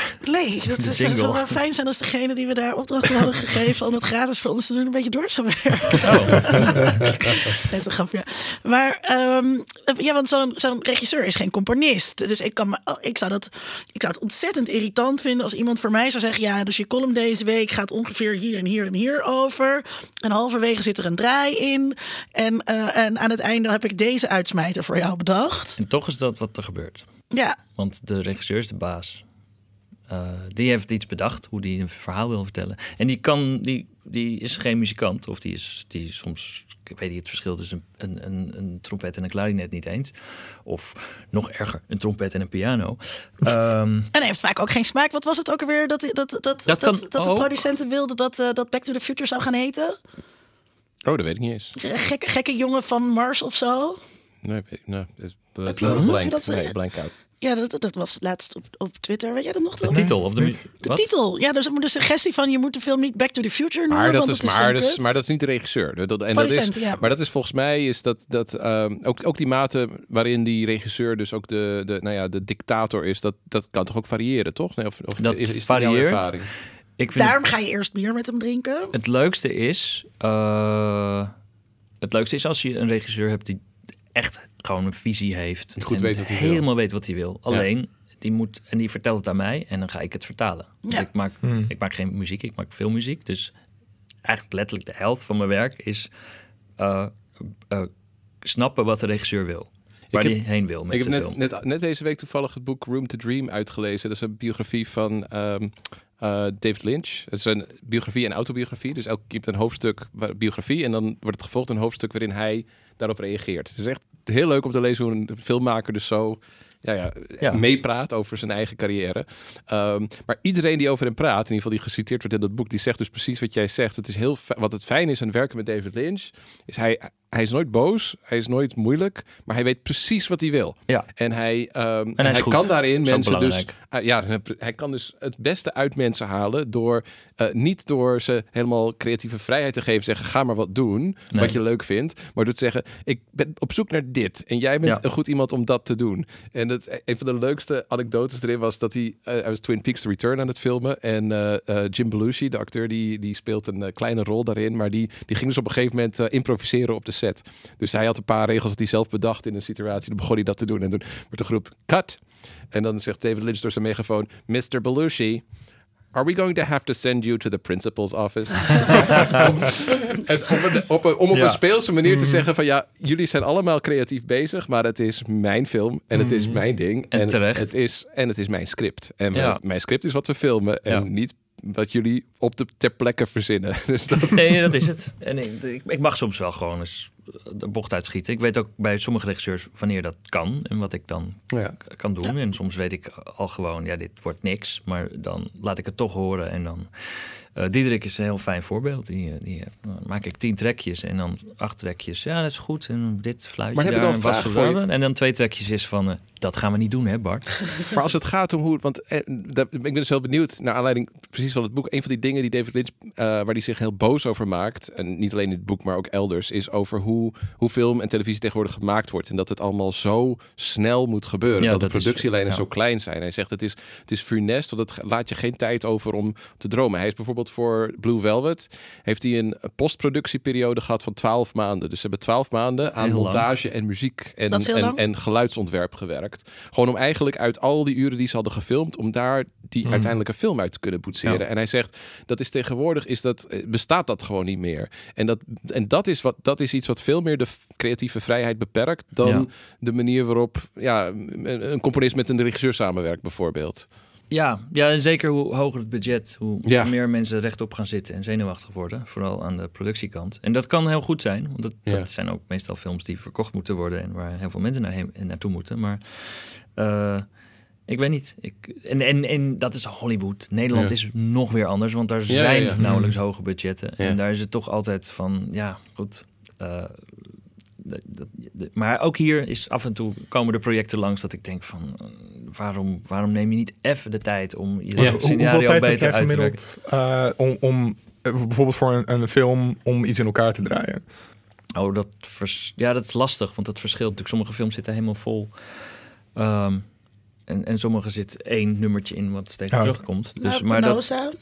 nou, Penosa, dat, ja, dat was, is ook lastig. Want de eerste Penosa heb ik echt lang over gedaan. Want dat was mijn eerste grote serie waar nou ja, iedereen die eraan meewerkt helemaal, helemaal voor ging.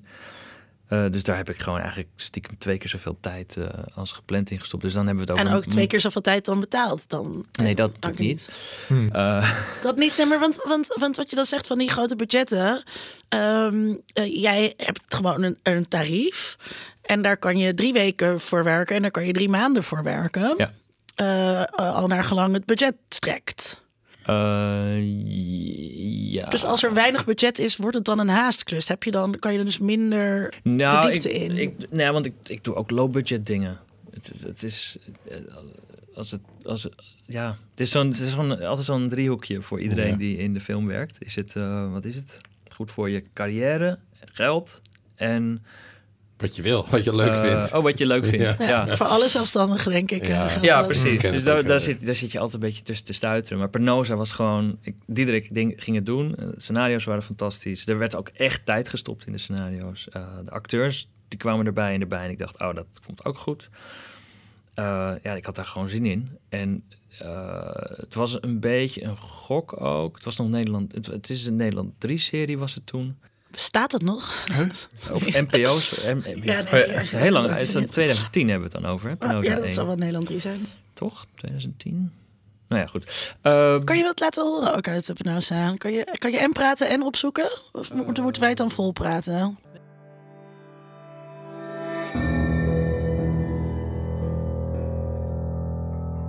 Een audiologo. Het stuit hem ook tegen het hart hoor, dat jullie de vorige aflevering van eh, over filmmuziek eh, een podcast over audiologo's hebben genoemd. Toen dacht ik, wat?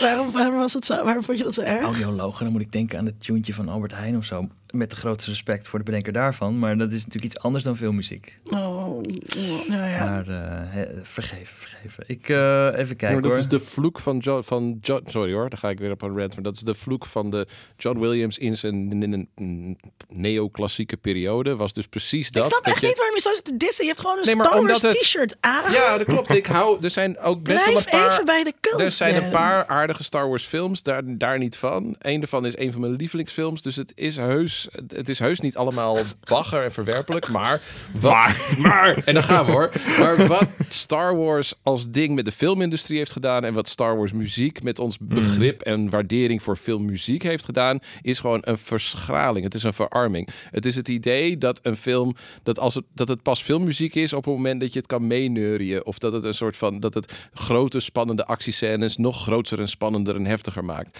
En dat andere vormen van filmmuziek daardoor... en ook andere soorten filmgenres... die niet grote blockbusters zijn... waar jongens van, en meisjes van 12, 13, 14... vijf keer naartoe gaan in de zomer... dat die gewoon minder bestaansrecht hebben. En dat is, als je het hebt over budgetten in Hollywood van nu... dan is het echt, het is alleen maar big, go big or go home. Het zijn films die 50 of 100 miljoen dollar kosten of nog meer. Ja. En anders is het gewoon Netflix of het, is, eh, of het is Amazon Prime... maar het is niet iets wat in de bioscoop gaat... en het is niet iets waar... of, hè, er zijn gerust al wat uitzonderingen... maar dat is waar filmmakers zich het meest over beklagen. Het mid-budget is gewoon helemaal weg. En dat betekent dus ook dat de ruimte om te Ja. experimenteren... en gekke dingen uit te proberen... dat die kleiner wordt. arthouse, ja precies. Knallen of arthouse. Ja. Eh, maar even, ik moet nog, ik moet nog even. Dus je, je, je hebt dan met een regisseur gesproken. En dan, en dan zit je hier in je studio. En dan ga je gewoon laagjes opbouwen. Dan ga ik gewoon, hey, muziek van Penosa. Ehm, Mooi. eh, eh, dan, dan gaat de regisseur weg. En dan ga ik een versie 1 maken. En dat is, eh, kies ik meestal een belangrijke scène uit de film uit. En dan, Zit ik achter de- Je werkt niet chronologisch natuurlijk. Dat is heel logisch. dat soms wel, soms niet. Maar meestal niet. Ja. Ehm, En dit Heel abrupt eigenlijk. ja, sorry. Ja, je had was ook vorige Ja. keer al gezegd, maar op Kan- YouTube kan het filmpje waarin. Angelo Badalamenti praat over Twin Peaks en gezegd, samenwerken met David Lynch. Wie dat nog niet, die luisteraar die dat vorige keer niet heeft gehoord, moet het even opzoeken op YouTube, want dat is zo mooi, zo'n mooie illustratie van precies dat soort samenwerking van ik zie iets, probeer jij het nou eens te spelen op de piano. En dan van ja, zoiets, maar dan langzamer. Of zoiets, maar dan iets ingetogener. Of zoiets, maar dan in een minor key, weet je wel? Dat, en dat je zo samen Ja. toewerkt naar Dat is een beeld. heel romantisch beeld. Het heb ik ook? nog nooit met mijn regisseur gezeten. Nee, maar dat is wel zo mooi. Ook niet achter. nou, en, je moet, en er is nog iets gebeurd als je het over ontwikkelingen hebt. Dat in de tijd, in de tijd van, nou, daar komen we weer, John Williams en de, alles daarvoor.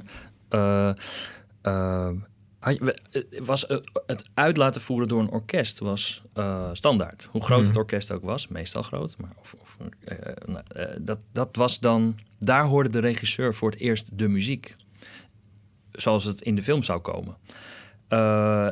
Wat hij daarvoor had gehoord was de, letterlijk John Williams achter de piano. Die heeft met Steven Spielberg achter de piano gezeten en het deuntje van Close Encounters of E.T. zitten spelen. En dat kan hij vast heel mooi op de piano spelen. Maar dat is natuurlijk niet wat in de film terecht kwam. Mhm. Want dat is een, weet ik veel, hoeveel koppig orkest.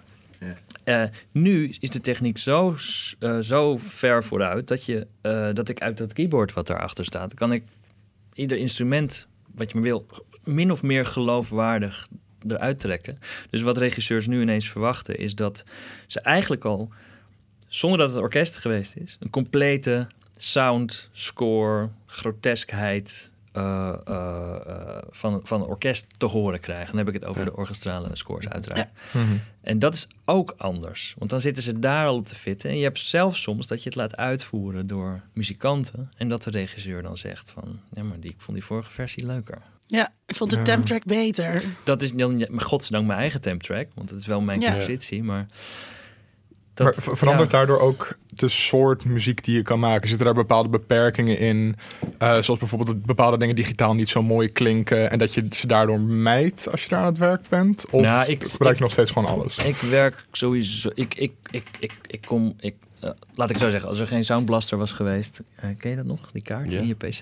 Dan was ik waarschijnlijk eh, nu cameraman geweest. Mhm. Ik ben echt gewoon. Dus je hebt nooit met de hand uitgeschreven met noten? Nee, dat, daar, daar, daar ben ik ingerold. Hmm. Omdat, het op, omdat ik dat op een gegeven moment wou. Dat Ja. ik, eh, ehm, ik- er zijn beperkingen. Mijn composities zijn altijd. Nou, dan hebben we het ook weer. eh, af en toe is het een kwestie van geld, een kwestie van tijd, eh, een kwestie wat de regisseur wil. Maar dat zijn altijd soort hybride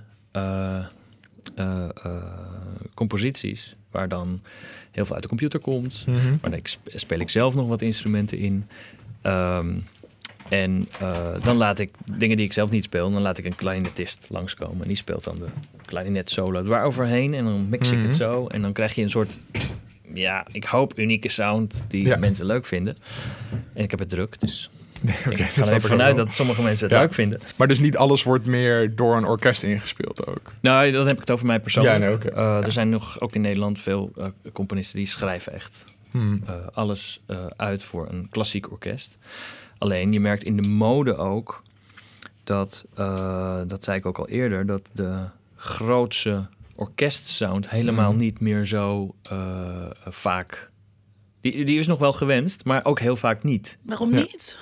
Eh, de Dat is gewoon mode. mode. Ja, want ik, ik, ik, zit daarbij ook gewoon aan Hans Zimmer te denken... die in plaats van die leidmotiefjes en alles... meer soort van bombastische dingen heet. Nou, of Hans of wat meer textuur. Ja. oh, daar, daarop Van Zimmer is grappig, want die, zijn, eh, die heeft ook een soort revolutie ontketend destijds. Met zijn eerste grote eh The Rock en Mhm. The Peacemaker en, en die films. Ehm, Black Rain was geloof ik zijn doorbraak.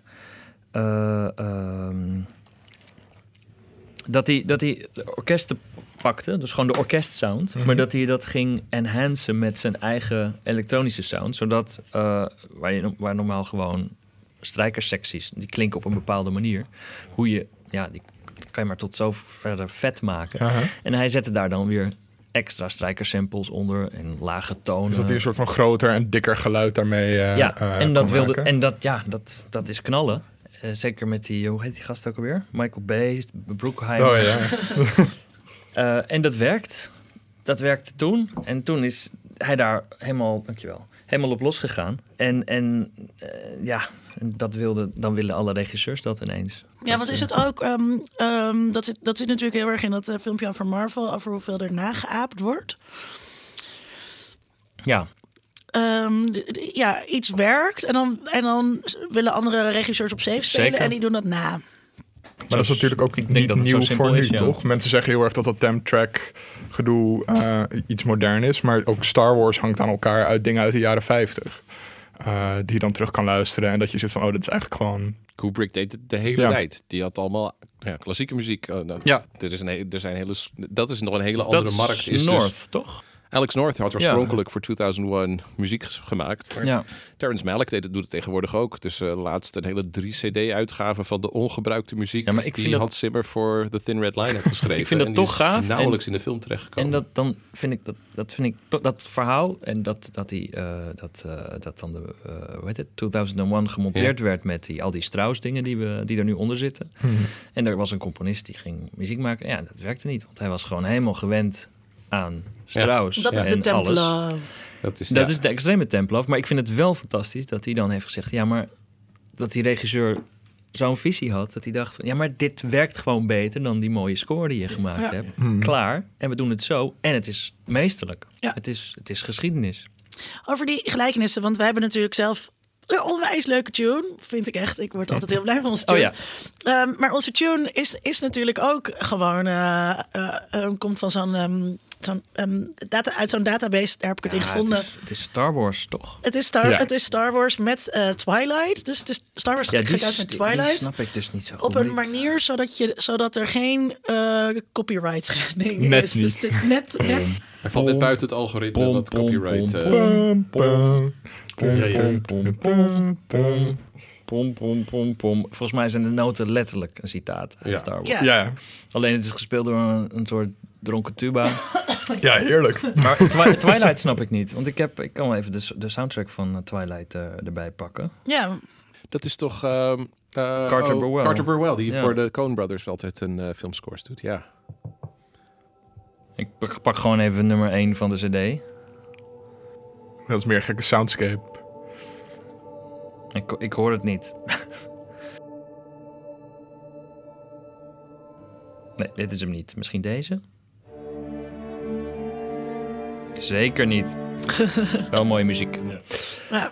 Maar Carter Burwell is een mooi voorbeeld van een hedendaagse componist... die dus Oh. heel veel werkt en ook heel veel fantastische filmscores maakt... maar heel weinig meeneuriebare deuntjes. Ja. In, eh, een paar uitzonderingen zijn Fargo en Miller's Crossing. Die hebben hele mooie klassieke melodieën die, eh, Ja. die best Ja. wel blijven Wil je hangen. iets uit Fargo Eén van mijn... Ja, ik heb hem al klaarstaan. Want dat is één van mijn eh, favoriete eh, soundtracks. Omdat hij... Nou, ik kan hem even opzetten terwijl ik het erover heb. Hij heeft... Het is de meest epische score die ik ken. Gemaakt met... Nou, je hoort het. Ik hoor een harpje. Dat is een celesta. Dat zijn die belletjesachtige geluiden.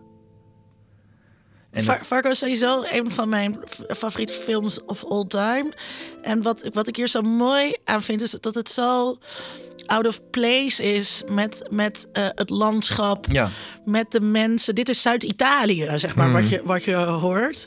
Eh, oh, oké. Dus- Ja, ja, ja, ja, ja, en niet Minnesota. Het is Hele veel lyrischer dan wat je ja. van Minnesota. Het grappige Misschien is dat het epische. Ja, en het hele orkest komt er nu in. Oh nee, nee dat komt Nee, later. nee, nee maar het hele is, orkest valt dus ontzettend mee. Want er zit nu een Nou, maar er één zit- violist, ja, maar er, er zit... fiddle-achtig. Er zit in die. de- de- het orkest is groter dan je nu hoort. Dus er komt op een gegeven moment pom, pom, pom, pom, Ja, pom. En dan komen de pauken erbij. En dan Ja. is het, nou ja. Dit, het, ja. Maar dan nog steeds is het niet wat je normaal met, eh, met episch eh, eh, in verband brengt. Namelijk die Lord of the Rings orkest. ja, Maar, maar, heb je dat is, maar bijvoorbeeld dat heb is dus- je Burn After Reading. eh, heb je die Mag ik ook nog hier? even Fargo zeggen? Ja, Dat- ja, ja. Eh, ehm, eh, Fargo is dus op de een of andere manier opgezet ook als een epos. Ja. Maar dan met hele alledaagse personages die moeten overgeven Ja. omdat ze zwanger zijn. Ja, Ja. ja. maar, maar dus, dus dat, dat, dat, dat, dat, dat randje van plagiaat, is dat iets ook wat steeds wordt opgezocht? Of komt dat door die temp tracks? Of überhaupt gewoon omdat je in conventies vastzit. Dus je wil zoiets als dat. En ik vind trouwens bij ons Tom dat ehm, hij Hier komt hij. Dit is zo mooi. Ja, Het volle orkest. Ja, dit is Het zit een orkest, maar dit is echt niet veel. maar wat is niet veel? Het is eh, 20 man of zo, Ho, ho. Ja, denk ik. Zoiets. Ik hoor blazers, ik hoor strijkers, percussie. En het is zo sip, deze Ja, muziek, ja. dat je eigenlijk, dit is de openingscue. Dan zie je alleen maar sneeuw. Ja. En dat komt aan, geloof ik, in de sneeuw. In de... Die auto komt aanrijden Ja. door de sneeuw. Maar het is Balkan. Ik heb een gevoel van de Balkan hierbij. Dat, Maar eh, begrafenissen. Ik heb Ja, daar dus ja. twee Ja, jonge ja. vrouwen. Italië, Balkan. Ik heb die associaties nooit gehad. Nee, maar... Ik, Maar is het, is het wel een beetje soort van iets me- mediterraans, Oost-Europees? Ja. En je weet gewoon al... je ziet alleen maar een auto in de sneeuw. En Ja. door die muziek weet je gewoon al van... Dit is, oh, Dit gaat wordt al alleen maar sadness Ja, en ja. shit. En het mooie van die tv-serie Fargo is dus dat is een andere componist. Maar die, ja, die probeert dezelfde soort sfeer te Die staat creëren. al zo lang op mijn lijstje, die serie. Want Ja, Maar die zegt dat ik kijken. de hele mooi. tijd. Ja, die, die speelt daarmee, maar zonder dat de Coen Brothers het maken en zonder dat dezelfde componist erbij is, maar om wel datzelfde gevoel ook in andere periodes te Ja, plaatsen. maar dat is wel wat ik, wat ik wou zeggen, of wat ik aan Tom wil vragen over onze tune. Ehm, dat onze tune is natuurlijk een soort wel een beetje afgeleide of gejat of zo. Aha. Maar hij is ook wel heel leuk en onze tune. Hij is ook wel echt iets anders. Ja, maar, eh, door, door de manier waarop het ingespeeld is en de instrumentatie. Het, het is het super lomp eh, eh, ding. Ja. Het is gewoon een soort postmodern Star Wars ironie, toch? Het is wel heel erg ironisch, ja. Eh, want ook, ook de eerste keer dat ik hem hoorde, vond ik hem echt best wel een soort van... oh, Oké. Eh, niet, niet heel goed. En nu is het gewoon, ook omdat hij gewoon de hele tijd herhaald wordt bij ons, dan is het toch van ja, dat is toch gewoon wel een beetje ons lied. Het is jullie liedje geworden, ja. Het wordt heel eigen, ja. En, en wat dus ook heel leuk was toen we de Kiki dingen eh, Holiday Special, Holiday Special hadden. Oh ja. Oh ja. Eh, dat Bart toen voor ons de, de, Oh ja, de de, kersttune, de, ja. de Ja. kersttune, eh, heeft gemaakt. En vorige week hadden we de tune niet om live af te spelen, maar deed het publiek ons het voor ons. Ja. Dat was echt super leuk. Helaas is dat Oh, die eh, ik voor eeuwig verloren, Nee. verloren gegaan. Omdat Bottas apparatuur niet deed. Wat. Wat? Oh, dan ben ik heel erg uh, Ja. benieuwd of het vanavond... We, we doen het nu weer met dezelfde apparatuur. Oh, zit je hem nog niet te knijpen, Tom? Een beetje. Moeten we dat in de gaten houden? Nee, hij loopt nog. Dat, gaat we goed. niet, dat we niet over een bepaald iets heen gaan. Oké, ehm, auteurschap hebben we het over gehad. Gelijkenis hebben we het over gehad. Ehm, invloed van technologische ontwikkelingen. Hebben we het over gehad? We hebben het Toen een was beetje je- over gehad. Toen was je even naar de wc. Wat Oh, nog wel precies. leuk is, dat er ook regisseurs zijn, zoals Scorsese, die fantastische soundtracks onder hun film maken. Maar er, zit, er komt geen componist aan te pas. Laat eens wat, eh, wat horen van... ehm, Want dat is gewoon... Ja, de eh, outro van Leila. Dat is denk ik het meest beroemde Ja, voorbeeld van dan een, hebben we het een over. stukje popmuziek. gebruikt. Dat is uit Goodfellas. en dan de Goodfellas, outro hè? van Leila. Van Derek and the Dominoes. Dus je hoort het hele... Daar zit zo'n fantastisch lang melancholiek outro onder. Dat is dit. En nou ja, Ja. als je een filmnerd bent, dan zie je nu allemaal mafiosi... eh nou ja, in... is in vrieskisten. vrieskisten, ja, nee, dit is fantastisch. Eh, met een kogel door hun hoofd voor in een auto Ja. zitten. Dit is waar de, de clean-up na de grote Lufthansa-beroving even zonder, zonder stemmen, alleen maar met muziek eventjes wordt, wordt verteld. En wel- welke eigenlijk nog beter is, is Casino, vind ik Ja, zelf. Eh, oh, maar die heb ik even niet bij de hand. Die moeten we uit deze gigantische ja, stapel jij zei dat je systeem had, Bart. Oh, sorry. nee, maar allebei die films zijn... Maar dat zijn voorbeelden van een trend die, in, die met Easy Rider eigenlijk begon. Maar dat je zegt van, want Ja. tot Easy Rider was het in de jaren 60 zo dat studio's zeiden, ehm, nou ja, eh, de jongere markt is zo groot dat we een pophitje moeten hebben. Dus er moet onder de opening credits moet een popliedje staan. Dat is gewoon, eh, dus als je vanaf ongeveer 1956 naar Hollywoodfilms kijkt, dan is dat eerder regel dan uitzondering dat je een popliedje onder de en de James Bond films zijn daar een soort van reliquie van Ja. hoe dat nog steeds door is gezet. Eh, en dat En is wat, pas Wi- wat Will Smith bijvoorbeeld uitstekend heeft gedaan door zijn eigen ehm popmuzikantenstatus oh, in absoluut. te zetten. Ook voor zijn, eh, voor zijn eh, Wild filmcarrière. Wild West zo. maar Ja. het ging nog helemaal niet zo Man ver. Black. Dat, maar dat waren altijd liedjes die waren speciaal voor die films gemaakt. En die konden dan los daarvan, konden die dus helpen om de soundtrack te verkopen. En om de zichtbaarheid van die film dus ook te vergroten bij een jongere publiek. En met Easy Riders zei Dennis Hopper van nou, ik, ga, ik, ik wil helemaal geen, hier past geen orkestmuziek bij. Dit is een film over een nieuwe generatie die opgroeit met deze popmuziek. Ik ga er gewoon popliedjes onder, onder zetten. Die hele soundtrack bestond dus ook alleen maar uit popliedjes die allemaal al eerder waren uitgebracht. En tot de grote verbazing van die studio werd die film dus een gigantisch succes. En werd die soundtrack dus ook een gigantisch eh, verkooprecord. Ja. Want al die liedjes van The Band en van Jimi Hendrix en al die jaren 60 pop eh, of rock-iconen, dat bleek eh, nog veel beter te verkopen als het bij een film hoorde. En ook als collectie werkt dat dan. Ja, precies, Wat, wat precies. Bart? Men in Black. Ja, Men in Black. Ja. Nod your head. Ik heb Men in Black gek genoeg zelf niet. Oh. Dat is Men in Black 2, ja. Oh, dat is echt heel slecht. Jij probeert een soort Rage Against the Machine ding te doen. Ja. Ja. he- eh, maar heel slecht. Maar Men in Black is ook zo grappig iets wat je nu ook opnieuw vaker ziet. Je zag het ook met Black Panther, dat je zegt je hebt eh, twee aparte soundtracks. Je hebt, de, Ja. Ja. je hebt de soundtrack die dan door Kendrick Lamar voor Black Panther is samengesteld. met wel popliedjes. Hetzelfde werd gedaan en met Spider-Man. Into the Spider-Verse. Ook een hartstikke goede popmuziek soundtrack. En daarnaast heb je de orkestrale filmscore van eh, Ludwig Johansson. Is die volgens mij voor de... Goransson. Goransson, dat is het voor, ehm, eh, eh, voor Black Panther. En van eh, Daniel Pemberton is hartstikke leuke Engelse jonge componist voor Spider-Man Into the Spider-Verse. Twee Ja. aparte platen. De ene voor de mensen die graag van nou ja, echte, echte filmmuziek houden. En eentje voor mensen die zeggen van wat een leuk fenomeen. En er horen ook nog liedjes bij die Doe mij ik de terug kan hitjes. luisteren. Doe mij de hitjes erbij.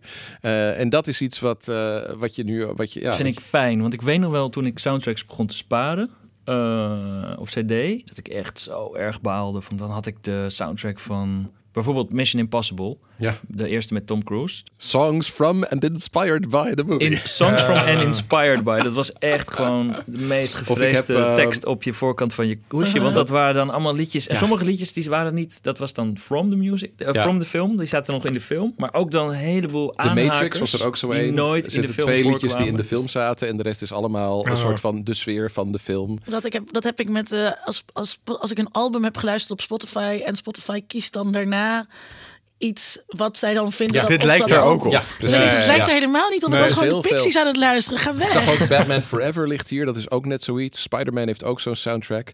En eh, een, een hele een positieve uitzondering erop is trouwens die van eh, Dead Man Walking. Er zitten ook twee liedjes in die ook in de film voorkomen. Maar er hebben allemaal nou ja, vooraanstaande alternative country muzikanten en Tom Waits en allemaal echt goede muzikanten hebben zich dus laten inspireren door die film en hebben liedjes over de doodstraf geschreven. En die hebben dat eh, en sommige daarvan werden nog hitjes ook van Bruce Springsteen bijvoorbeeld. Bij mij mag het op een cd als het maar in de film zit. Zoals bij Scorsese en zo. Ah ja. Nee, dat De rest wil ik gewoon de... Maar ja, dat is Tarantino, is, heeft ook bijna niks anders dan dat Die doet gedaan. het ook goed, ja. ja, ja. Dat, eh, dit is Batman Forever. Oh ja. Ook, die vind ik zo fijn. Elliot Goldenthal, dat is een van mijn favorieten. Ja, componisten. Alien 3 is een van zijn allermooiste films. Maar zijn allermooiste, en dan komen we toch even bij eh, dat filmpje van Marvel, wat zo br- br- brutaal nagemaakt was door Tyler Bates, denk ik, Tyler Bates, ja? in 300. Oh ja. Dat nummer, dit is dus het origineel van Goldenthal uit de film Titus. Oh ja.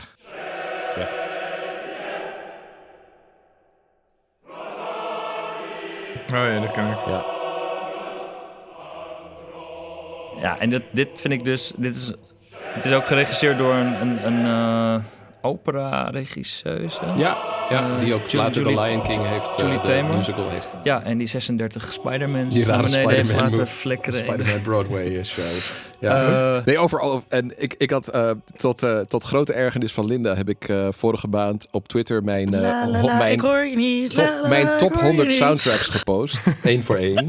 Ehm, en eh, dus ik werd hartstikke gemute door, nou ja, iedereen die mij volgde. Iedereen. Maar eh, in mijn En toen top moest ik 100... dat dus zeggen, want In- dat is je mute iemand natuurlijk.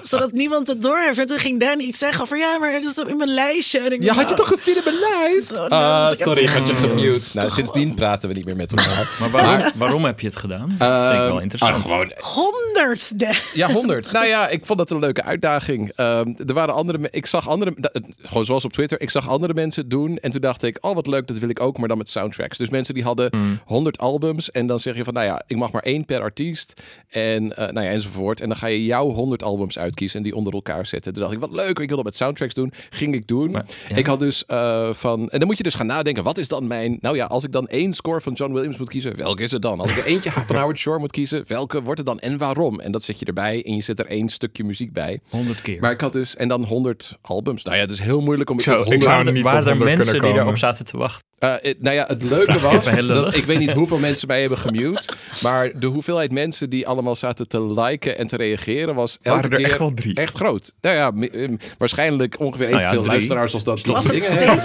steeds? Drie, dat is toch 300 Het was niet likes? steeds. Maar nee, maar één van die dingen was dus... Ik had gepost van Elliot voor Alien 3... wat een beetje het, eh, nou ja, de. Alien film is... Waar mensen, waarvan mensen zeggen... nou, daar ging het fout. En het is, ik vind het de beste Alien film Oh, al- ik van ook. allemaal. We gaan binnenkort maar uh, ik had dus- over ja. Alien. Dat was mijn, ehm, mijn keuze was dus van Ellie, Golden, Ellie Goldenthal was dus Alien 3. En daar had ik een korte beschrijving van waarom ik die zo mooi vond. En eh, twee dagen later kwam er dus, ik wist niet eens dat hij op Twitter was, maar Elliot Goldenthal die heeft dus mijn tweet daarover geliked. Dus die Oh, heeft, Het ik is vond ergens wel een beetje Het schijnt triest. een hele leuke man te Want het, zijn. bet- ja, maar het betekent dus dat je ook een soort eh, ergens in je tweetdeck een filter hebt van wie heeft het over mij. En Ah, dat, dat ja. dit dus, of af en toe google je jezelf of, of zoek je jezelf op Twitter. Maar het is een fantastische, echt heel melancholieke en heel dreigende, rijke filmscore. Zonder meeneuriebare stukjes, Ja. maar heel indringend. Eh, fantastisch en hele goede actiemuziek ook. Heel veel ook in Ja. trailers gebruikt. Maar ja, dat is wel even een soort geeky moment. Ja, ik praat gewoon door Ellie Goldenthal heen. Hij luistert heus niet naar deze, podcast. Dat, eh daar ja, maar ik wil het ervoor.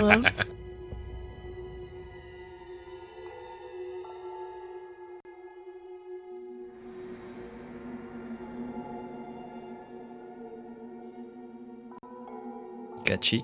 ja, maar wel heel vet. Koortje.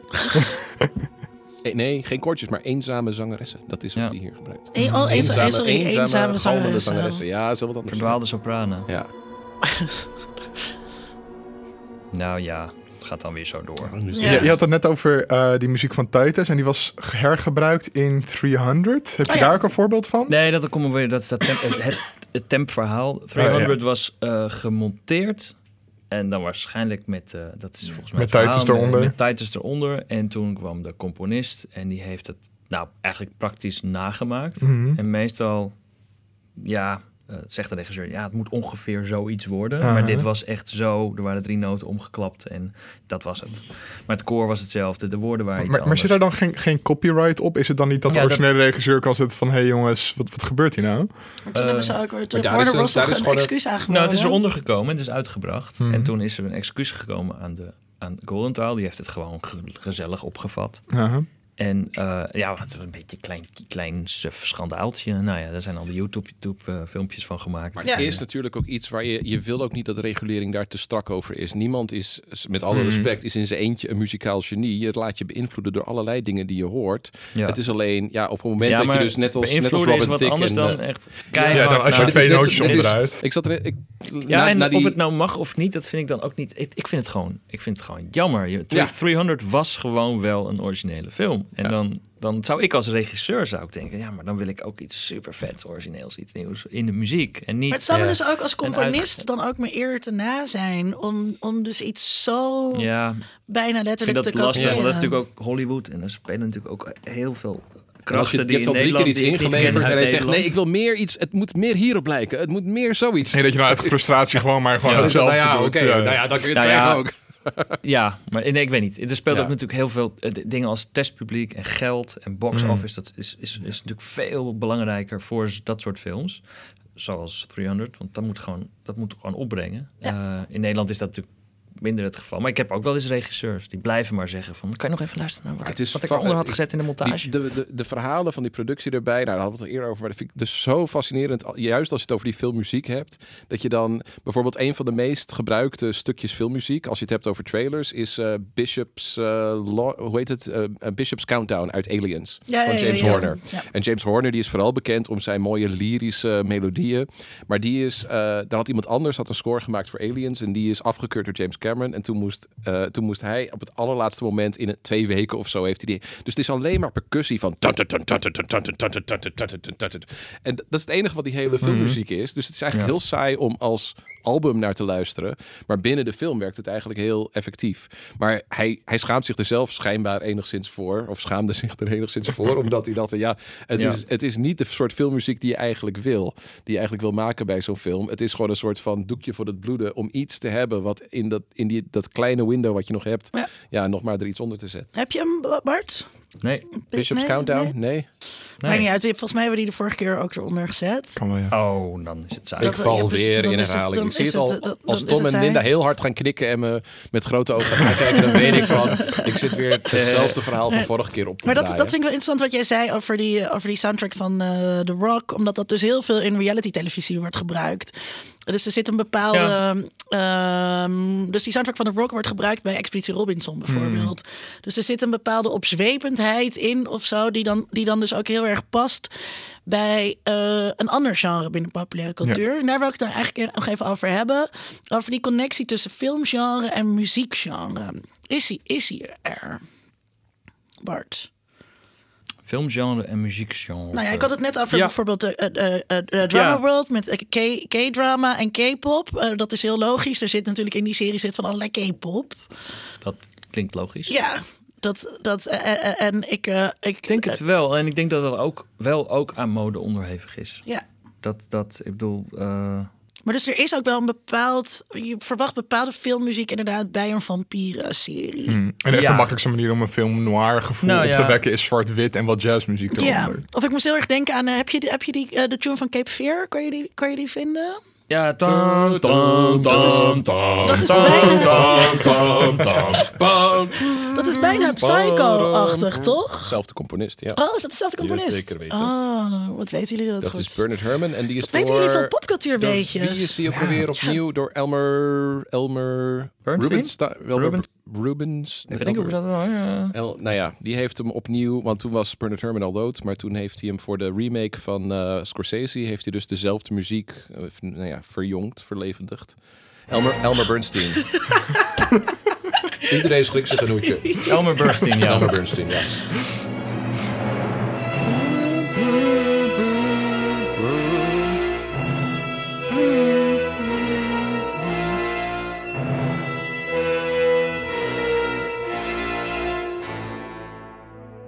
Ik vind het, dit is dan al zo eng. Dan Ja. denk ik, oh. Ja, Ja. Ik, ik hou hiervan. Het is, een, het is, het, Het is heel het wordt alleen en nu groots, ja. eh, als ouderwets eh, bijna... Is het, het is bijna weer ouderwets. Zo, het- maar- Het heeft bijna wel iets abolligs. je hoort een orkest en verder niks. Dat is sowieso ouderwets. Want er- Hans Zimmer had hier gewoon een dikke vette...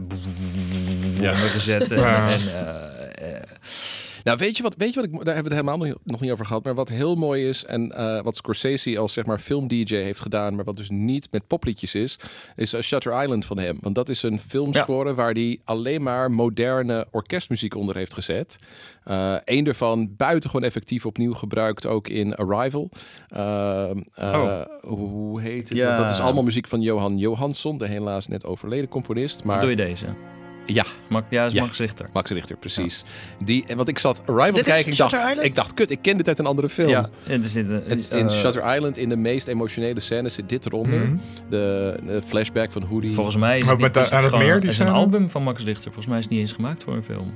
Nee, klopt. Nee. Ja. Maar alle de, de soundtrack CD van Shutter Island is dus een 2 CD. En alle nummers zijn nou ja, tussen de 6 en de Ja. 12 minuten. Het zijn allemaal lange stukken. Johnny Ray, Max Richter. Ja, eh, ja, allemaal moderne, Eno. moderne muziek. En, maar allemaal modernistische moderne muziek. Dus atonaal, moeilijk. Eh, dit is het meest soort klassieke stuk wat erin zit.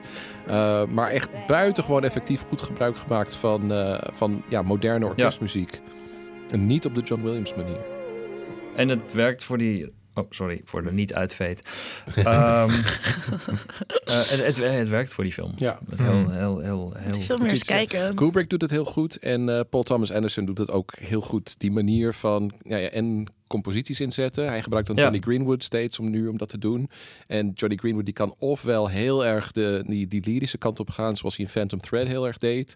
Of veel meer de atonale kant, zoals eh, in There Will Be Blood. Of eh, laatst nog in You Were Never Really Here.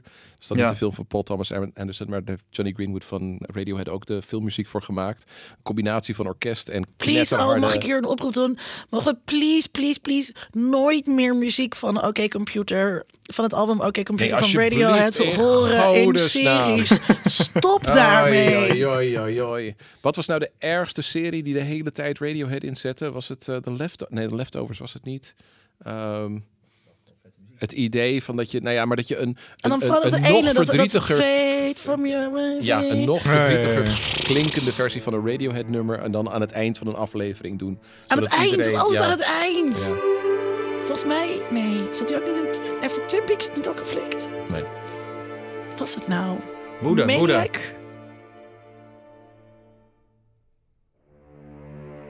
Dit is There Will Be Blood. Ja, Oh ja. dit is Johnny Greenwood. Ja, mooi hoor.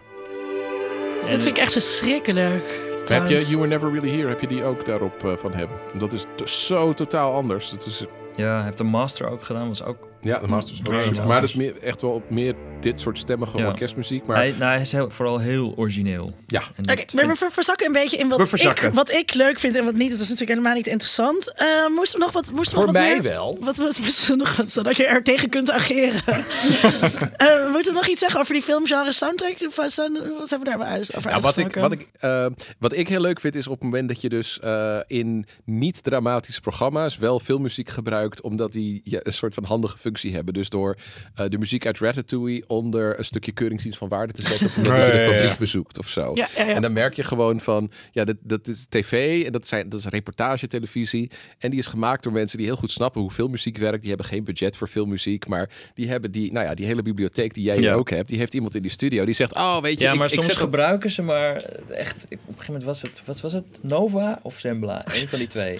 Nova Zembla. continu zat daar de Passion of the Christ eh, Ja. onder. maar dat is- daarom- eh, daarom hebben ze daar ik dan gewoon de rechten voor of zo? Keuringsdienst Is dat het? heel erg leuk, want daar werkt, daar is gewoon iemand Alles onderdeel van dat team die een gigantische filmmuzieknerd is en die wist elke keer Ja. weer iets anders te gebruiken. waardoor dat- hey, Ja, maar dat is dan, Carrie. dat is dan leuk. Ja, Maar- is- Ja, maar jij, jij, jij zegt alles mag in Nederland? Nee, Qua- nee, de- Nederland heeft... eh, eh, de omroepen hebben een soort... Ja, het Een soort- soort pakket of zo. Blanket, blanket license. Die Oh, mogen oké. alles onder alles zetten. ik, ik dacht dus Wat, altijd met... hè? Niet. Hoe dan? Ja. Ja, maar ik, ik, ik dacht dus altijd met bijvoorbeeld... Precies zoals ik het zeg.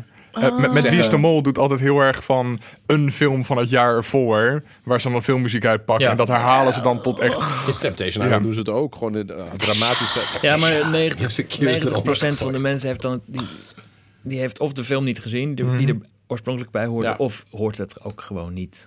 Maar, Nee, maar daarom dacht ik, dus dan hebben ze gewoon alleen de rechten op de muziek uit die ene film gekocht. Maar ze kunnen dus Nee. alles gebruiken wat ze willen. Maar dat doen ze dus niet. Ja, Dat nee, dat het gaat zelfs soms zover. Ik heb een keer, er was er een, een, een serie, driedelige serie. En ja, daar was dan geen budget, zoals dat heet, voor de componist. Ja. Dus dat kwam daaronder. eh daar kwam dan eh, eh, eh, Frost Nixon onder, van Hans Zimmer. En eh, dat, het was goed gemonteerd en het klopte en het, het is prachtige muziek. Eh, eh, ik tik tegelijkertijd, maar ik ben net een man wat dat betreft. Ik kan maar één ding tegelijk. Eh, en het werkte alleen, ja, de mensen die Frost Nixon hebben gezien. Ik zit me dood te ergeren gewoon. Ja. Dat, dat denk ik van, Omdat het andere beelden oproept bij je. nou, ik had die film net gezien en dan krijg je dit en dan... dan Ben je je eigen muziek wel eens onder iets anders tegengekomen? Eh, Oh ja, leuke vraag. nee. Dat zou toch wel, ze wel een Nee, zegt van hij enigszins ultiem- verbolgen. Dat is toch wel een leuk compliment Nee. of zo. Dat je inderdaad naar... Je zit naar brandpunten kijken en dan een dramatische, weet je wel... eh, Is porno goed of slecht voor je? Van een... eh, van een van, nou, we, we- dit wordt even opnieuw in beeld gebracht hoe dit gebeurde, weet je wel. En dan... tut, tut, tut, tut, en dan denk je, Oh, fucking hell, dat is mijn Penosa muziek. En dan hoor je ineens... Ja, Vanavond. Maar, sorry. Peter R. de Vries, weet Ik je wel. niet- Dan gaan we het hebben over criminaliteit. En dan, jou, en dan jouw muziek eronder. Maar, maar jouw muziek is wel gebruikt voor, voor remakes van Penosa in het buitenland, toch? Eh, ja. Sorry, ik had... Ik had nee, laat maar. Eh, nee, dat was, zo'n was aparte- super, als ik op tijd was geweest, was het super grappig geweest. Oké. Ehm, eh, eh, ja, dat klopt. Eh Penosa is eh geremaked. Dat is trouwens hilarisch om te zien. Ik heb een student die heeft hier een bachelorscriptie over geschreven. Oh, Dat heb je Oh, vorige keer ook gezegd. Penosa specifiek. Over, je hebt over Penosa, nou niet over dus de soundtrack, maar wel over... Dus die is De die- remake. De, de- die is- ja, dus die is de Amerikaanse versie gaan vergelijken met de Nederlandse versie. Oh, de Amerikaanse. Nee, er is, er is, Ja, die is- die is niet zo goed. Allereerst is er een Poolse versie gemaakt. En er werd alles opnieuw gedaan. Dus ook de, de, de marijuana, dat werd dan daar vodka.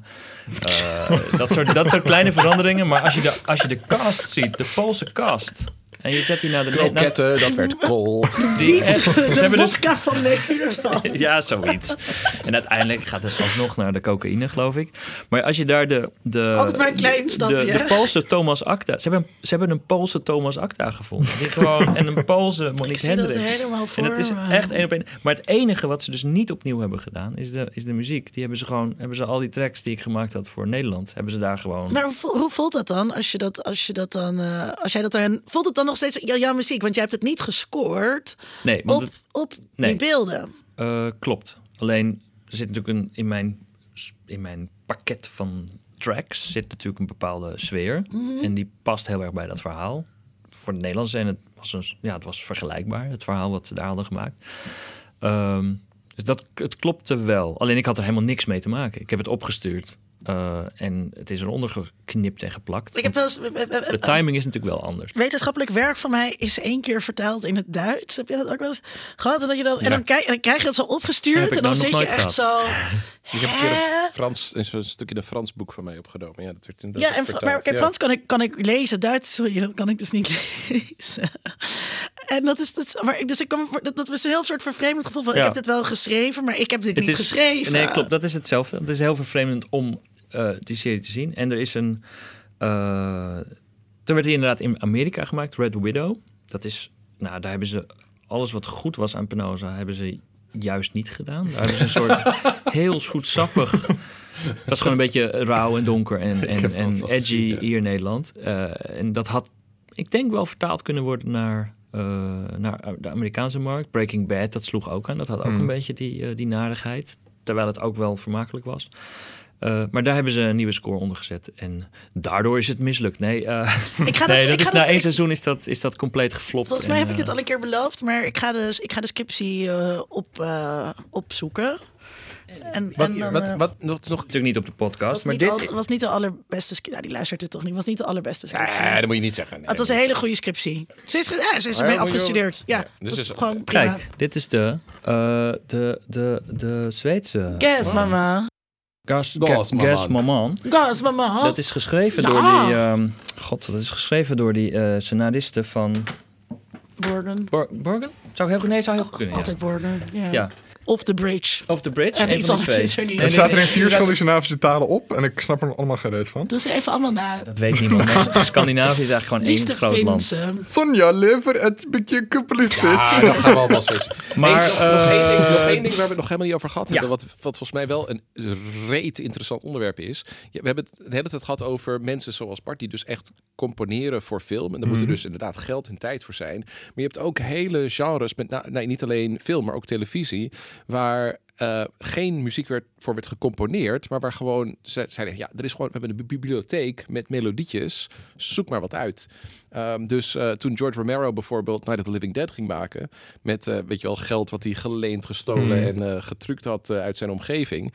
toen zeiden ja, we, eh, ik ga geen componist betalen om hier muziek bij te maken. Ik pak gewoon al die platen met stukjes orkestmuziek... en ik, zoek, ik zoek er spannende muziek uit waar die nodig is. En dat is... Als, en er zijn er genres dus precies zoals horror en porno in de jaren zeventig met name... toen dat ineens een heel erg populair genre werd... waar dus nooit geld was voor componisten... maar waar gewoon het idee van... we moeten daar, nou ja, stock music, hè, muziek die gewoon van een plaat of van een album afkomt... en dat zetten we eronder. En dat is precies... en toch is veel van die muziek, met name bij Wat Night was of the dit? Is dit porno? Het porno? Handig porno-deuntje. Ik tik porno in, maar ik had gehoopt op een eh, saxofoon met galm. Nee, je moet zo'n eh, zo'n jaren 70. Weet je wel, zo'n Ja, zo'n ja. waaggitaar eronder. Maar dat is wat op dat moment werd, werd gezien als wat je je voorstelt bij een opwindende scène. In de jaren 80 was het met eh, soft erotiek, was het een saxofoon met heel veel galm maar hè, dat idee dat heel veel filmmuziek en heel veel televisiemuziek, want daar zijn meestal geen budgetten voor dat soort dingen, die zijn niet eh, bedacht om precies daarbij te passen, maar die komen gewoon uit een arsenaal van je hebt, eh, net als een lachband, je hebt eh, dit effect heb je nu nodig. Nou, dan heb je even dit stukje muziek kun je eronder zetten en dan heb je natuurlijk dingen die eindeloos opnieuw gebruikt zijn, steeds opnieuw in televisieafleveringen en low-budget films, Ja. die je eigenlijk al lang al, ja, al twintig keer eerder hebt gehoord. Ja, het grap is dat het, het gebeurt nog wel, alleen steeds minder, omdat in de afgelopen twintig jaar zijn de series gewoon bijna film geworden. Gewoon Ja. qua kwaliteit Ja, zijn ze het steeds beter geworden. En daar geworden. hoort nou eenmaal bij Ja. dat je dan ook Ja. je eigen sound, je eigen componist Ja. wil. Nee, ik weet nog dat ik een interview met Danny Elfman las in, toen de Simpsons begonnen. Ja. En hij zei van ja, eh, de Simpsons, de Erbij. openingstune, dat Ja. is, dat is nou ja, iconisch voor eh, nou ja, een groot deel van de populaire cultuur. Maar hij zei van ik wilde, een, ik wilde voor de Simpsons een openingstune hebben die met een groot orkest. En er was geen enkele televisieproductie op dat moment die een vol orkest gebruikte voor de openingsmuziek. Huh? En dan iets wat annoying, obnoxious en in your face is. Dus iets wat baf, weet je wel. Zoals hij zich herinnerde van cartoons uit de jaren 60 toen hij opgroeide. Ja. Gewoon irritant, atonaal, weet je wel. Ik word er heel blij van ook. Ja, Dat ik natuurlijk. Ja, maar weer- qua, qua die deuntjes is dit ook inderdaad zo'n beetje Tom en Jerry Het verscheen cartoons-achtig. eind jaren eh. 80, toen het allemaal van die Growing Pains en Family Ties-achtige zoetsappige But we've been popliedjes waren. Waar, for a million years. nou ja, precies. Oké jongens, we gaan er een beetje einde aan breien. Want, want we kunnen hier nog... eh, Nu al. nu al... We zitten nog maar drie uur over filmmuziek te praten. Ja, precies. Oh, Show me nee. that smile again. Of de, Ja, dit is ook filmmuziek.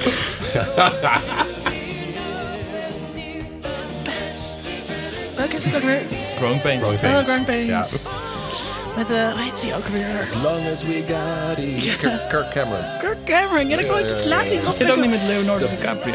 Ja, jawel, jawel. Die speelde daar inderdaad Nee, kleine hij- geadopteerde broertje in. Oh, Ja, Ja. dat is een vriendje. Roseanne geweest, echt, Leonardo ehm, DiCaprio. Maar Nee, hier is Ja, in Growing Pains, een doorbraak. En laatst vertelde ik iets in de podcast. En toen kon ik dus niet op Kirk Cameron en Growing Pains Of komen. Kirk- en dat Cheers, ging En de dat was dus dit. En dat ging over eh, iemand die ziek was en er dan achter kwam dat er steeds dat er dan gewoon ook televisie overdag was. Dus Kirk Cameron uit Growing Pains is dan dus ziek. En dan blijft hij thuis van school en dan is er dus televisie in dan dat maar dus Wa- Was luisteraar. het uit, uit comedy? Of? Ja, volgens mij comedy show. Maar ja. is Kirk Cameron niet nu een hele vervelende... Kirk Cameron is zo'n creationist geworden. Ja, zo'n Oh, christelijke, is nare- jaren geleden in de begintijden van Facebook was een van de eerste viral video's was dus Kirk Cameron die uitlegde waarom een banaan bewijs is van het feit dat God de aarde heeft gemaakt. Want hij heeft Oh, perfecte nee. voedsel, heeft Ja. hij helemaal verpakt en je kan het zo openen en het is net als een plastic omsluiting. Nou, dat is precies dat bewijst precies dat God de wereld Oh, heeft nee. geschapen. Is wel waar. Het is er valt Is ook gewoon geen ja. spel tussen te krijgen. Oh, is oh, absoluut eh, in diezelfde categorie. Ik kwam er afgelopen week achter dat eh, de actrice die in Buffy die coole, hippe eh, lerares speelt. Ja, Miss Calendar. Ja, ja. Eh, dat zij een of andere gekke, eh, super conservatieve christen is geworden. Die nu in allemaal anti-abortus films speelt. Nee, Tom, het is waarom echt heel vertel je erg. dit? Sorry, het spijt me. Ik moest, ik moest dit leed delen. echt heel kut. Ik moet nog eh, twee dingen doen. Eh, ik, ik, ik moet nog Bart's mening vragen over die trend om filmmuziek in het concertgebouw te organiseren. En we moeten nog heel kort een paar soundtracks bespreken die luist- luisteraars hebben ingestuurd. Eerst, Oké. Eerst Bart, wat vind jij ervan? Dat, eh, dat hele, waar ik mee begon in de cold open, eh, Ja, persoonlijk heb ik moeite met eh, mijn hobby. soundtracks in concert. En dat is, heel, dat is een hele gekke reden misschien, maar het gekke is, ik hou heel erg van concerten, klassieke muziek. Want daar, is, dan ga je daarheen voor de, de uitvoering. Dan is er een speciale dirigent, of het is het Concertgebouworkest, of het is een ander mooi orkest. En die hebben een interpretatie. Die hebben een interpretatie van, nou, Mahler, whatever. Eh, soundtracks, omdat ik zo'n soundtrack-fan ben, is er voor mij maar één versie. De versie die in de Ja. film zit. En dus meestal ook op de CD staat. En zo ken ik hem. En ik was laatst voor het eerst ook in het concertgebouw. Ik, eh, met, eh, eh, en dat was een, een soort, voor de pauze, een medley, een beetje Spider-Man, een beetje. was een hele rare medley heel ook. veel ook in het concertgebouw. Ja. Ja, Dat is ook in Vredeburg, dus maar het, het is was een heel fenomeen. Dan dacht ik, Wat? Ook Was het- Amsterdam was het- gebeurt dit? ah, het was een hele rare. Sorry, het is een eh, grapje. Luisteraars, medley? niet weer gaan twitteren dat het... Het is een grapje. We komen wel eens buiten de ring. Sorry, ik ga Sommige verder. van ons. Het was een hele rare medley van eh, eh, Spider-Man en daarna Amistad. En nou ja, eh, daar ging het voor mij al mis, want Amistad is een fantastische score van eh, ook John Williams met een eh, mooie, eh, een, een- gewoon echt zo'n mooi zwart koor. En dit was een Slavisch koor, wat je dan meteen hoort. En heel de percussiesectie, die zit niet op de soundtrack. Misschien een pauk of zo. Maar hier was het een drummer. Die zat er doorheen te drummen. Ja. Want ze hadden geen geld voor drie percussionisten of zoiets. En dan, ja, dan ben ik gewoon weg. Want dan is het niet mijn, de soundtrack die ik ken. En da- na de pauze kwam ehm, eh, eh, eh, Star, eh, Star Wars. Ehm, los van dat ik Star Wars nou wel ken. En het is altijd, die concerten zijn altijd, ik snap het. Het is altijd Dan en Star ik ga je straks na de uitzending in elkaar slaan. Nee, ik niet. Het is Ik altijd, echt Star- het is, het is altijd, het is altijd Star Wars en het is altijd Indiana Jones. En ik snap het, want dat is drie noten en eh, je hebt de helft van je Hebben kaarten we- hadden we verkocht. Indiana Jones al gedraaid? Eh, Nee, doe maar niet. Doe maar niet. Doe maar niet. ja. Doe maar niet. Doe maar niet. Doe maar niet. Alleen, monteer ik hoor dan, ik, dan hebben ze weer, dan hebben ze weer eh, versies gemaakt die in dat concert passen. En ik hoor de genialiteit van die, van die composities. Alleen, dan zit ik helemaal, oh ja, dit is mooi, dit is mooi, dit is mooi. Ja, en dan nog, nog twee maten en dan komt Luke's theme erin. En dan, oh, oké. Nee, is een dan soort- niet. ja. Dan is het wordt Het is afgekapt, want dan moeten ze door. Het Het is- is, een medley. En, eh, dan zit, zit ik liever met een goede koptelefoon. Oh, maar, dat- maar dat- het was dus niet zo'n ding dat je echt de film meekeek. Ja, joh, dat heb je dus. Dat, Nee, Ja, nee, maar dat heb je ook, dus, maar dat ja. was dit dus niet. Nee. Dat was dat dus niet. Dan, dan zou het dichter bij de eh, soundtrack-versie moeten komen. Ik, weet- Hmm. nee, dan, nee, ik, nee ik, vind, ik vind het hoort bij de film. Dan wil ik de film zien en wil ik de regisseur heeft het op een bepaalde manier in elkaar geplakt. Dan, dan vind ik dit compleet iets anders. En dan nee, dus Willen jullie daar nog iets over zeggen? dat is mijn persoonlijke mening. Sorry, ik brul helemaal. Nee, ja, nee. Ik, ik, ik, Jij gaat in elkaar slaan. ik- nee, ik, maar, nee, ik vind dat ook. En ik vind dat die. ehm, Oh. ik- kijk, ik vind, ik vind daarvan hetzelfde als wat ik vind van ehm, films in de bioscoop. Eh, er is niks mis in principe met het bestaan van Star Wars films. Dat, dat, ik, ik draag hier, dat wil ik maar even zeggen. Ik draag een Star Wars t-shirt. Ik weet het, ik draag eraan bij. Maar Bart is zich nu aan het Wat- ontkleden wat- en heeft ook, ook een Star Wars t-shirt. aan. Ik ben, ben de enige zonder Star Drie van Wars de vier t-shirt aan tafel hebben een Star Wars t-shirt aan. Maar dat is precies het probleem van de filmindustrie op dit moment. Drie van de vier films, het zijn nog meer dan drie van de vier. Het zijn bijna vier van de film. Vier van de vier zijn of letterlijk of soort van Star Wars films. Het zijn Marvel films of het zijn Harry Potter films of het zijn Disney films. En, en dat is echt een groot probleem voor de filmcultuur. De filmcultuur, daarvan willen we dat die ook, tenminste dat wil ik, dat die ook een kunstvorm is. En niet Maar alleen maar een manier om te Hennis en Maurits pyjama's. Dat, nou ja, wat, als we nou, stel dat het zo was dat er twee keer per maand een filmmuziekconcert was wat goed bezocht werd in het concertgebouw. En de ene keer was het Howard Shore en de andere keer was het, hoe heet die gast, die Een van die fantastische andere 98 Franse, mensen van jouw die- film Ja, Twitterlijst. precies. Die, Maar die, Lord of the Rings eh, hebben ze een keertje die gedaan. de shape, ja, nee, maar dat, dat is het dus. Die twee keer dat het is, is het of Star Wars of het is The Lord of the Rings. Er is geen variatie in. Het, is, het gaat alleen maar om één soort filmscore voor één soort film. En dat, ver- dat maakt die blockbustercultuur alleen maar sterker. Erger nog, het maakt van die blockbustercultuur iets wat ook hoort bij een soort van bizarre hoge cultuur. Mensen met een beetje, mensen met onderscheiding, met smaak, die kunnen zeggen van, dit is helemaal niet erg hoor dat ik Star Wars fan ben, want het is ook in het concertgebouw. Maar dat vind ik dus het is een dat werkt dus- gentrification van een blockbustercultuur die we, die we moeten tegenwerken. we moeten zeggen, nee, we willen vernieuwing. We willen niet... Die film is uit fucking 1977. Maar Verzin iets nieuws. In 1977 zeiden mensen over Star Wars... Ja, het is best grappig, maar het is wel erg ouderwets. En nu zeggen we van... Gooi de rommel in het concertgebouw. Want we krijgen er niet Maar, genoeg van. maar wat ik, maar wat ik dus, heel- want daarom, daarom begon ik ermee. Dus ik ben, want wat het concertgebouw natuurlijk wil, is dat ik dan dus ook een andere keer terugkom. ja, Dat het ga ik natuurlijk, concertgebouw wil populariseren. nooit doen. Maar dan kun je dus ook zeggen... Dan ga waarom een je dan niet meenemen fucking- naar eh, Nodig Johnny een Greenwood ander uit. concert. Nee, de- dat de wil ik helemaal niet. De- hij is de fucking gitarist van Radiohead en hij maakt veel interessantere filmmuziek dan dat die bejaarde John Williams nog doet.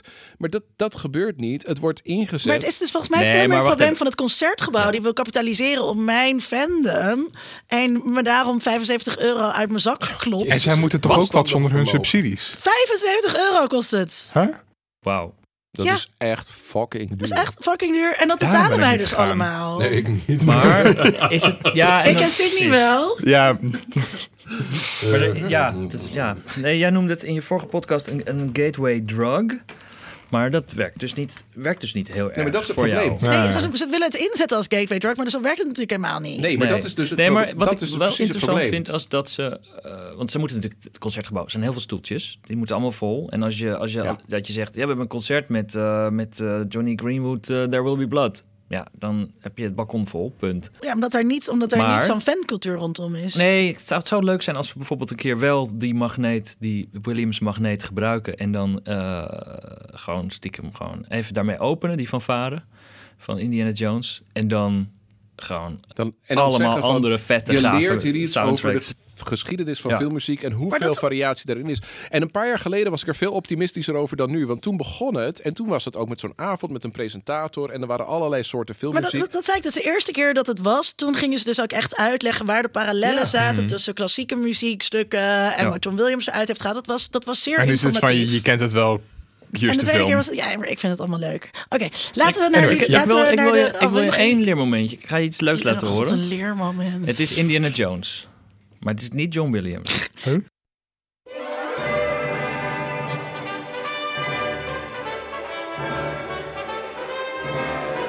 ik ben in de war. Is het Floris?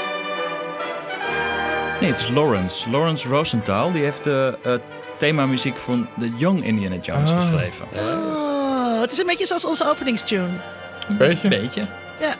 Het is het net niet. Nou, hey Tom, we hadden, we hadden Ja. Cindy beloofd dat we, dat we wat dingen van de luisteraars eh, zouden Ik bespreken. Laten, we er, laten we er maximaal drie doen, want we zijn al een tijdje bezig. Oké, dus we hadden Wally op de lijst staan. Wally! Dat is Moet super ik, leuk. moet ik heel snel moet ik ze Thomas erbij zoeken? Newman of zoiets. Dat is zeker Thomas Newman. Ja, maar het is, het is nou niet echt dat Plus je nog zegt allemaal heel musicals. herkenbaar. Ik zou gewoon Ja, meteen... ik, ik kan me ook niet muziek bedenken uit Wally. Dat is ook geen, niet echt zo'n Nee, Thomas musical. Newman, die heeft hele wel, mooie muziek. Het grappige is, hij heeft wel echt een hele herkenbare stijl. Mhm. Heel veel mensen die eh, denken meteen dan aan oh, The eh, Shawshank. American Beauty bijvoorbeeld. Oh, ja. Eh, dat hoge... Shawshank Redemption is Shawshank Redemption is er ook nog eentje.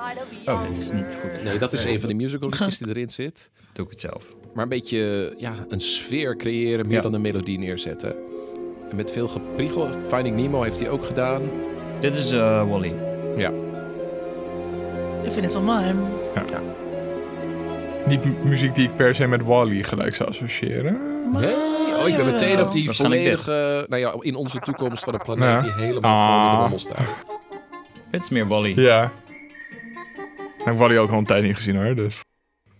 En als je dit luistert, Bart, wat hoor, wat hoor jij dan? Ik hoor Maar wat- meteen Thomas Newman. Maar, maar Ja. wat, voor, wat voor keuzes hoor je dan dat er gemaakt zijn? Eh, ja, een beetje het, adorable, koddige. Daar zijn ze wel echt voor gegaan. Met een raar, wat is het? Je hoort meteen adorable en koddig, ja. Ja, daar hebben ze gewoon compromisloos zijn ze Maar daar. het is heel bouncy, maar er zit ook een donkere ondertoon aan. Dat hoor ik er wel heel erg in. Het is niet Ja, alleen maar- maar, een soort van Warner Brothers Looney Tunes, weet je wel. Dit is, Dat dit is een guitig robotje dat alleen is. Ja, en op een planeet waar geen menselijk leven meer mogelijk is. Het is, weet je wel, die... die... Hé, hey, een plantje. Maar pizzicato's, dat zijn die geplukte die je nu hoort. Bloep, bloep, bloep, bloep. Geplukte violen met je vingers zo. ja, ja. Ploink, ploink. Dat is, dat is ook, dat komt uit eh, Tom en Jerry. Dat is, Ja. dat Ja. is namelijk stiekem en stout.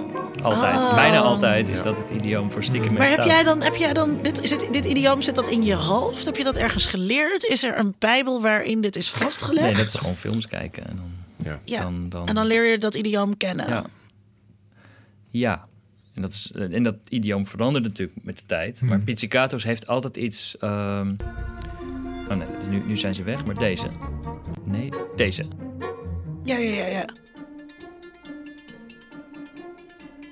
Ja, het- nou. Eh, nee, dat leer je gewoon door films te kijken. Maar, en, en dat verandert ook. En nu, eh, nou, Hans Zimmer heeft natuurlijk een boel gedaan. Dikke vette koperblazers sinds eh, Inception en zo. Dat is Ja. nu ineens, dan weet je gewoon, oh, het wordt episch en spannend. Of eh, ja, ik weet niet. Het is, het, is, het is moeilijk te omschrijven, maar Ja. eh, ik gebruik het. Als iets, eh, als iets grappig moet zijn, dan denk ik, oh, dan schiet pizzicato's, die bloempjes die je net hoorde, die Ja. schieten dan door mijn hoofd. Misschien moet ik het dan juist niet doen. Meestal doe ik het ook niet, want omdat het dan ook weer een cliché wordt. Maar Thomas Newman heeft het dus in Wally erg goed gedaan. Ja, volgende Tom. Ehm, even Ik heb hem al- ik heb kijken. hem al klaarstaan. Wat is de volgende dan? Zeg dat het Mission Impossible is. Zeg dat het Mission Impossible is. Deze stond niet op de lijst, maar wel leuk. Jawel, Xena, Princess Warrior. Staat niet op de Warrior lijst. Princess. Zag ik op de lijst staan. Andere lijst. Oh, Ehm, oké. Nee, dat kunnen we zeker ook bespreken. Nee, hoeft niet hoor. Maar Nee, dat vind ik wel goed. jij dan? Ik zet hem weer uit, zeg maar. ehm, we hadden Ghost in the Shell ook. Dat, ja. dat, dat core muziekje eh, uit de anime. Oh, maar dan had jij... Jij had de titel ervan. Oh ja. Iets met eh, Cyborg. Becoming a Cyborg? Ja, zoiets. Typer de typer de typ. Per de tip. Knippen we er allemaal gewoon uit later. Oh, dat kan je? Dan gaan we even echt zoeken. Want ik kan het niet vinden. Oh, ja. Eh, wacht, ik had hem net open. Eh, Making of a Cyborg. Kijk, ik zat toch erg in de buurt. Dan moet, Daar staat hij. waar staat hij? Jump Ja, One. ja. Making a Cy- ja. komt hij.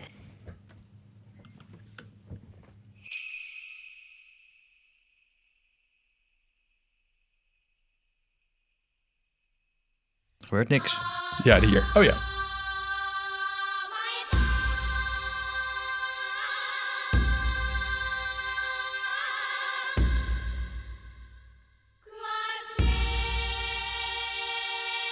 Heb je allemaal nu van die langzame shots voorbij komen van buizen en dingen. En dat die cyborg daar dan zo doorheen gaat en langzaam in elkaar gezet wordt. Is het heel typisch ook voor dit genre? Mm, nee, niet echt. Ik, ik, ik bedoel, ik, heb, ken geen andere anime-film of sci-fi film waar dit echt in zit. Misschien dat het een beetje terugverwijst naar Blade Runner met die gekke soort van synthesizers die zo heel uitgetrekt. Geen uh, Vangelis in, nee. Sorry, Ja. maar nee. Oké. Het is meer Bulgaars. Ja, het is een Bul- Bulgaars score. dus wat eh, dat in een. Japanse anime te zoeken heeft, ja, dat is het leuke van eh, filmcomponisten. die halen hun inspiratie Mhm. echt overal vandaan. Het is Vangelis. Blade Runner is dit. Ja. Ja, het is een Sinti. Dat, is trouwens ook, dat was een beetje slap weer.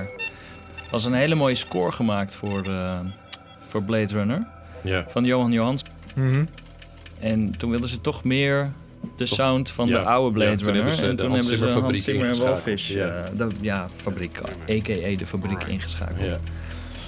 Ehm, Nog steeds best een charmante soundtrack, maar het is wel. Ja, blijft heel me niet zo bij als het origineel, eh. Nee, echt helemaal Nee. niet. Track 45 left. oh ja, die lijzige stem van Ford. Ja, dat is ook zo. Nou ja, als, sorry, dat zijn dan van die dingen die je dan als, als nou ja, soundtrack nerd. Nou ja, jouw ergernissen zijn. Dingen zoals er is niet een goede Blade Runner soundtrack die je kan kopen. Dus je hebt alleen maar deze versie waar de hele die tijd stem doorheen uit die film doorheen Ah. gemixt zit. Nee, Dus je Je hebt niet de, audio tracks los. Je Nee, hebt, er is- je er hebt is, de Asper Edition. ja, er is een versie, maar 33 tracks zonder geouwehoer. Nou, die moet je me straks maar even laten zien. Want die heb ik nog niet kunnen. Want de 3-CD-versie, dat is allemaal. Het is en die met gelul doorheen. En dan is het nieuwe muziek van Vangelis geïnspireerd door Blade Runner of zoiets. Maar eh, je moet me nog maar even laten zien straks. Oké, Als die bestaat, Ja. wil ik hem hebben, namelijk. Wat gaan we doen, Linda? we gaan een bumpertje doen.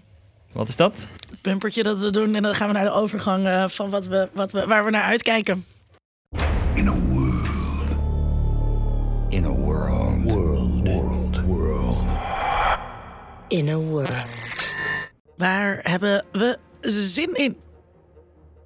Ik hoor toch weer iets anders. wat, is- wat hoor ik nu dan? Een achtergrondmuziekje, dacht ik. Oh, een achtergrondmuziekje. Maar kan wel. Ja. Oké. Ja, klinkt ook wel winnend. Maar ik weet niet zo goed wat we moeten doen nu. Nee, dat maakt niet. Ik, ik, ik, ik ga gewoon een vraag stellen. Waar, Tom, waar, heb je, waar kijk je naar uit de komende tijd? Eh, het is vorige keer ook al genoemd, maar ik heb eigenlijk best wel zin in een endgame. Ehm, ik ga eh, naar de persvoorstelling om 9 uur 's ochtends op 23 april. Dat is ook mijn verjaardag, dus dat vond ik heel Oh. erg leuk. Ehm, en ja, ik zat toch weer die, die trailer laten kijken. En dan komt aan het einde dan toch dat eigenlijk toch wel bekende Avengers muziekje erin. En zat ik wel van, oh, dat is toch wel heel erg... Dun, dun, dun, Toch dun, wel bekend. Ja, en dat, dat ik dan toch was dat, van, oh, dat is toch wel heel erg fijn. En ik kijk daar dus wel wel echt heel erg naar uit. Eh, ook omdat daarmee gewoon eindelijk een einde komt aan in ieder geval dit Aan de. Marvel films. Nooit meer de Marvel Nee, film. dat- Hoera! Dat, het natuurlijk niet.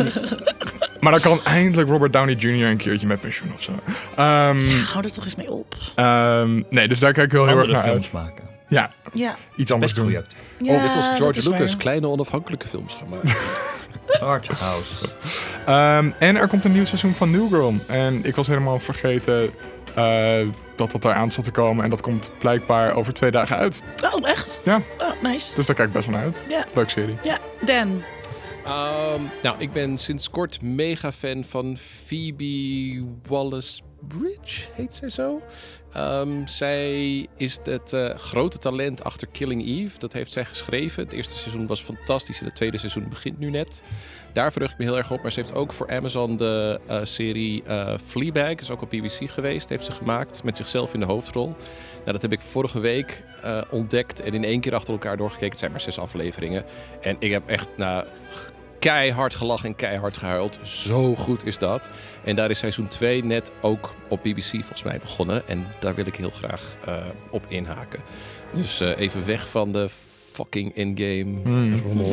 En, eh, iets wat echt gaat over mensen die ook gevoelens hebben en zo. En is Iron Man zo- heeft ook gevoelens. Iron Man is...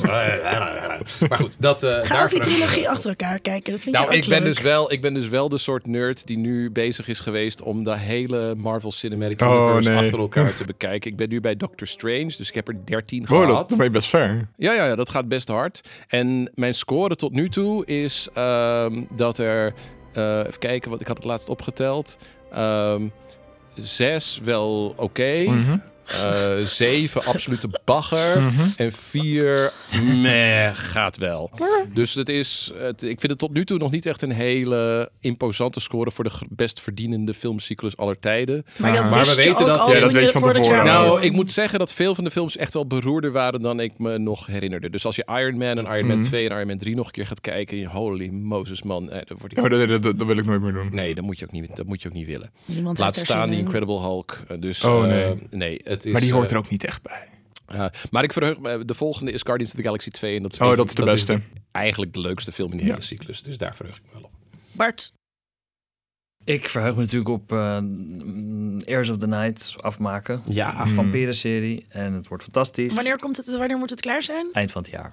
Oh. Tenminste, dan komt het op de buizen, moet ik zeggen. Duitsland, Noorwegen, Kan Frankrijk. het dan ook nog zijn dat je nu dat je het inlevert dat ze zeggen, nee, je hebt het nu wel erg intens gemaakt voor Ja, kinderen. dat kan zeker. Dat, dat lijkt me wel Omdat het... Dit is eh, te geil voor de kids. eh, te heftig. Minder koortjes, meer ja, Sint. dat kan. Ja. Maar eerst moet de regisseur nog een paar dingen horen. en dan de producent. En, dan. en verder heb ik heel veel zin in ehm, eh, Tarantino's. Eh, ja. de- de- Once Upon a Time in Hollywood komt eraan. En ik zag dus Star Trek, de Unnamed Star Trek Project bij Tarantino. Ik weet niet wat het is, maar Huh? Ja, dit wordt een ding. Wat? klinkt super Ja. interessant. Vertel. Ik, verder weet ik er niks van, dus ik kan er ook Tarantino is bezig met iets Star Trekkers. Ja. Maar er zijn echt 18 verschillende Star Trek projecten Mm. op verschillende momenten. Klopt, maar voor een gerucht, eh, Star Trek ja, ja. en Tarantino klinkt dat echt iets waar ik... Ja. wat- Ik kan me niet voorstellen hoe dat eruit gaat. Ze zou merken dat. Discovery is gewoon brandhout. Dus nou ja, wat gaan we in godsnaam doen? Nou ja, wat dan ook. Doe maar wat. Echt, godsnaam, maak En maar Star Trek. ik zag iets, echt iets heel moois. Eh, kom ik, toch, ik ben helemaal niet van de superhelden. Sinds inderdaad eh, de Nolan Batmans. Eh, eh, maar ik, ik, mijn YouTube recommendations die kwam ineens met de trailer van Joker. Oh ja, die is heel vet. Heb ik nog steeds niet Jack, gezien. Jacqueline Phoenix. Ja. Ik dacht, dit is, Ja. heb ik echt heel het veel is zin van. Scorsese, toch? In ieder geval Nee, geproduceerd het is door... van, eh, van, ja, van die Oh. gast die de hangover notabene heeft. Oh, Weet je, ik, ik zag... Maar ik, ik- vind- ik, ik, ik dacht ik- dat Scorsese hier wel aan verbonden was, op een of andere manier. dat weet ik niet. Maar Maar anyway. ik vind die acteur fantastisch. Joaquin is fantastisch. En ik vond die trailer, dacht ik echt... Ik, de, ik had de eerste helft niet door dat het de Joker was. Dat, dat, Nee. dat het een soort psychologisch drama was over Ja, getroubleerd Ja, persoon. getroubleerd Daarom persoon. past Joaquin Phoenix er ook zo En dat goed bij. nummer, dat smile, la la la la la, zat eronder. Ik vond het Charlie mooi. Chaplin. Ja. Ja. Eh, ja, jammer dat ik op zo'n... Kijk, ik kijk naar Dan en het... Ja, sorry. Nee, maar het, het punt is dat die. De, voor mij is. Mijn ergernis daarmee is dat die. ehm, dat personage wordt gewoon al jarenlang. ehm, achtervolgd door de Killing Joke. En de Killing Joke is een stripboek van Alan Moore. Uit eind jaren tachtig. waarin het origineverhaal van de Joker wordt verteld. En hij dus Oh. in confrontatie komt met Batman. En, en dat verhaal van een, een, een verdrietige, middelmatige man. die een succes wil worden, maar het niet wordt. en dan dus maar moordlustig wordt. Ehm, dat zie je hier dus heel erg sterk in terug. En los van, ik zei al eerder van of het nou goed is of niet, ik heb geen idee. En dat heb ik hier ook. Ik denk, ja, dit, dit, zou, dit zou gewoon een parodie kunnen zijn van een Joker-trailer in een slechte film. Dat zou kunnen. Het zou ook Oh. gewoon een trailer kunnen zijn voor een hele goede Joker-film. Kan ook. Maar de ellende is dat in onze, onze maatschappij op dit moment maak ik me zorgen om het, maak ik me toch oprecht zorgen om het feit dat je nu een film krijgt over een man, een witte man die, nou ja, die het niet lukt om een succesvolle komiek te worden en daarom dus maar mensen ja. gaat doodschieten. En al die mensen die hier naar nou gaan kijken en die gaan zeggen van, ja, ik snap dat helemaal. Maar Joker is- ook. is witte dat mannen al. zijn Ja, maar- tegenwoordig. Ja, maar Ja, Joker, maar- Joker is al dat figuur. Nee, maar dat hoeft helemaal niet. Nee, er maar ik zijn snap wat je zegt, van de Joker geweest. Ik heb Romero. gewoon echt heel veel zin in deze film. Ja, En, Ja, maar je en snapt- ik ken al, dit, dit verhaal ken ik niet. Dus ik, ga, ik, ik, had er gewoon, ik was helemaal blij. En er is nog... eh, ik zie dat Bart nu gewoon Dan op mute wil zetten. Als, als Nee, we ik straks wil, een nog, zin hebben, ik dan wil moet nog je even, opbellen. ik Dan wil ga ik nog hem even zeggen, ik wil nog even zeggen dat, eh, dat eh, de muziek wordt voor die film, eh, eh, tot mijn blijdschap, is, eh, ik het is echt, het is een IJslandse, dus eh, eh, heel door Koordinator Koordinator Ehm Ze heeft meegewerkt aan eh, Arrival. Ah, ja. eh, met Johan Johansson. Ja. werkte Sicario, Sicario heeft ze aan meegewerkt. En nu, mag, Oh ja, ook nu gaat ze dus deze film doen. En Ah. ik, eh, sowieso een vrouw. Dat is Mhm. natuurlijk... Bravo. Zeldzaam. Voor filmmuzikanten. Ja. Ja, er zijn er niet zoveel. Dus, Daar heb ik de vorige keer wat over gezegd. Captain Marvel. Wat heb je erover gezegd? En dat ik toen Dat een hele interessante podcast had geluisterd over hoe het systeem van filmcomponist eh, worden eh, een, eh, een soort Oh, ehm, ja. meester-page ja. eh, systeem is. En eh, dan weten we dus dat, dat de meesters altijd zonen Klopt. uitkiezen. Maar het is ook zo dat het, dat, eh, eh, dat het gewoon door dat patriarchistische gedoe gewoon zo gegroeid is. Dat de, dat de head of departments waren gewoon mannen, punt. Dat is niet gewoon zo gegroeid, hè? Nee, dat is. Dat, nee, maar oké. Maar dat is wel zo. Nee, maar die, die, Dat is wel daar wil ik niet heen, zo. maar dat was zo. Dus daar moeten we ook nog even over. Nee, maar het is gewoon. Ja, het zijn er gewoon niet zoveel. Ja, nee, maar het is Eh, belangrijk om. eh, Dus, dus, dus, het is, dus, je, dus je kan zeggen, het is gewoon het patriarchaat. Of je kan kijken zeg maar, welke specifieke mechanismen binnen het patriarchaat zorgen daar dan Ja, maar eh, dit is één van de mechanismen. Dat is regi- mannelijke regisseurs die hadden ook meer de neiging om dan met een mannelijke componist Ja. samen te werken. Ja, Dat, dat, dat is ook Dat zo'n nog een aardig ding van Captain Marvel... dat daar ook een vrouwelijke componist aan verbonden is. Die daar de alles aan die film was kut, heb je net gezegd. Nee, maar die, nee, maar je moet het wel gaan zien. En ik ben super blij dat die bestaat. Ja, maar ik vind is het even, gewoon even voor net de als de duidelijkheid. meeste ik zeg superheldenfilms dit, ik zeg dit helemaal jongens. niet. Ik zeg dit helemaal niet omdat, ik, omdat het een vrouw is, maar ik, ik vind het. Ze maakt echt ook hele goede muziek. Gewoon. Ze is echt super origineel. Dus daar heb ik Deze, ook. deze door de, de, de, de- eh, heel door Koede da Dotter. Nou, Er zit zelfs een letter in die ik niet ken, in die naam. nou, Het lijkt op een eentje. Oké. ehm, ik zie uit naar dat eh, Sydney weer terugkomt, maar dat duurt nog wel eventjes. Eh, eh, nog een keertje groetjes. En eh, er zijn nieuwe afleveringen van Sabrina op eh, Netflix, zag ik. Eh, dat, die, dat, daar heb ik wel zin om daar een kritische mening over te vormen. Ja. Oké, dat was hem. Nu moet ik nog zeggen, like en subscribe. Dat vinden we leuk. Vertel eens iemand anders over onze podcast. Laat een recensie achter. eh, stuur een vraag in. Allemaal, allemaal, allemaal fantastisch. Op naar de tien luisteraars. Nou zeg, wat een vervelend einde. Ja, is- dat, maar dat is dan weer beledigd. Doe je dat vaker? Nee, dat is toch gewoon een grapje? Wat Wat is dit grappige Wat grap? hebben jullie een lange tenen? Dat is natuurlijk een podcast. Voor jou, Oké, Linda. nu heb je hem. Ja, nu heb je hem. Alsjeblieft.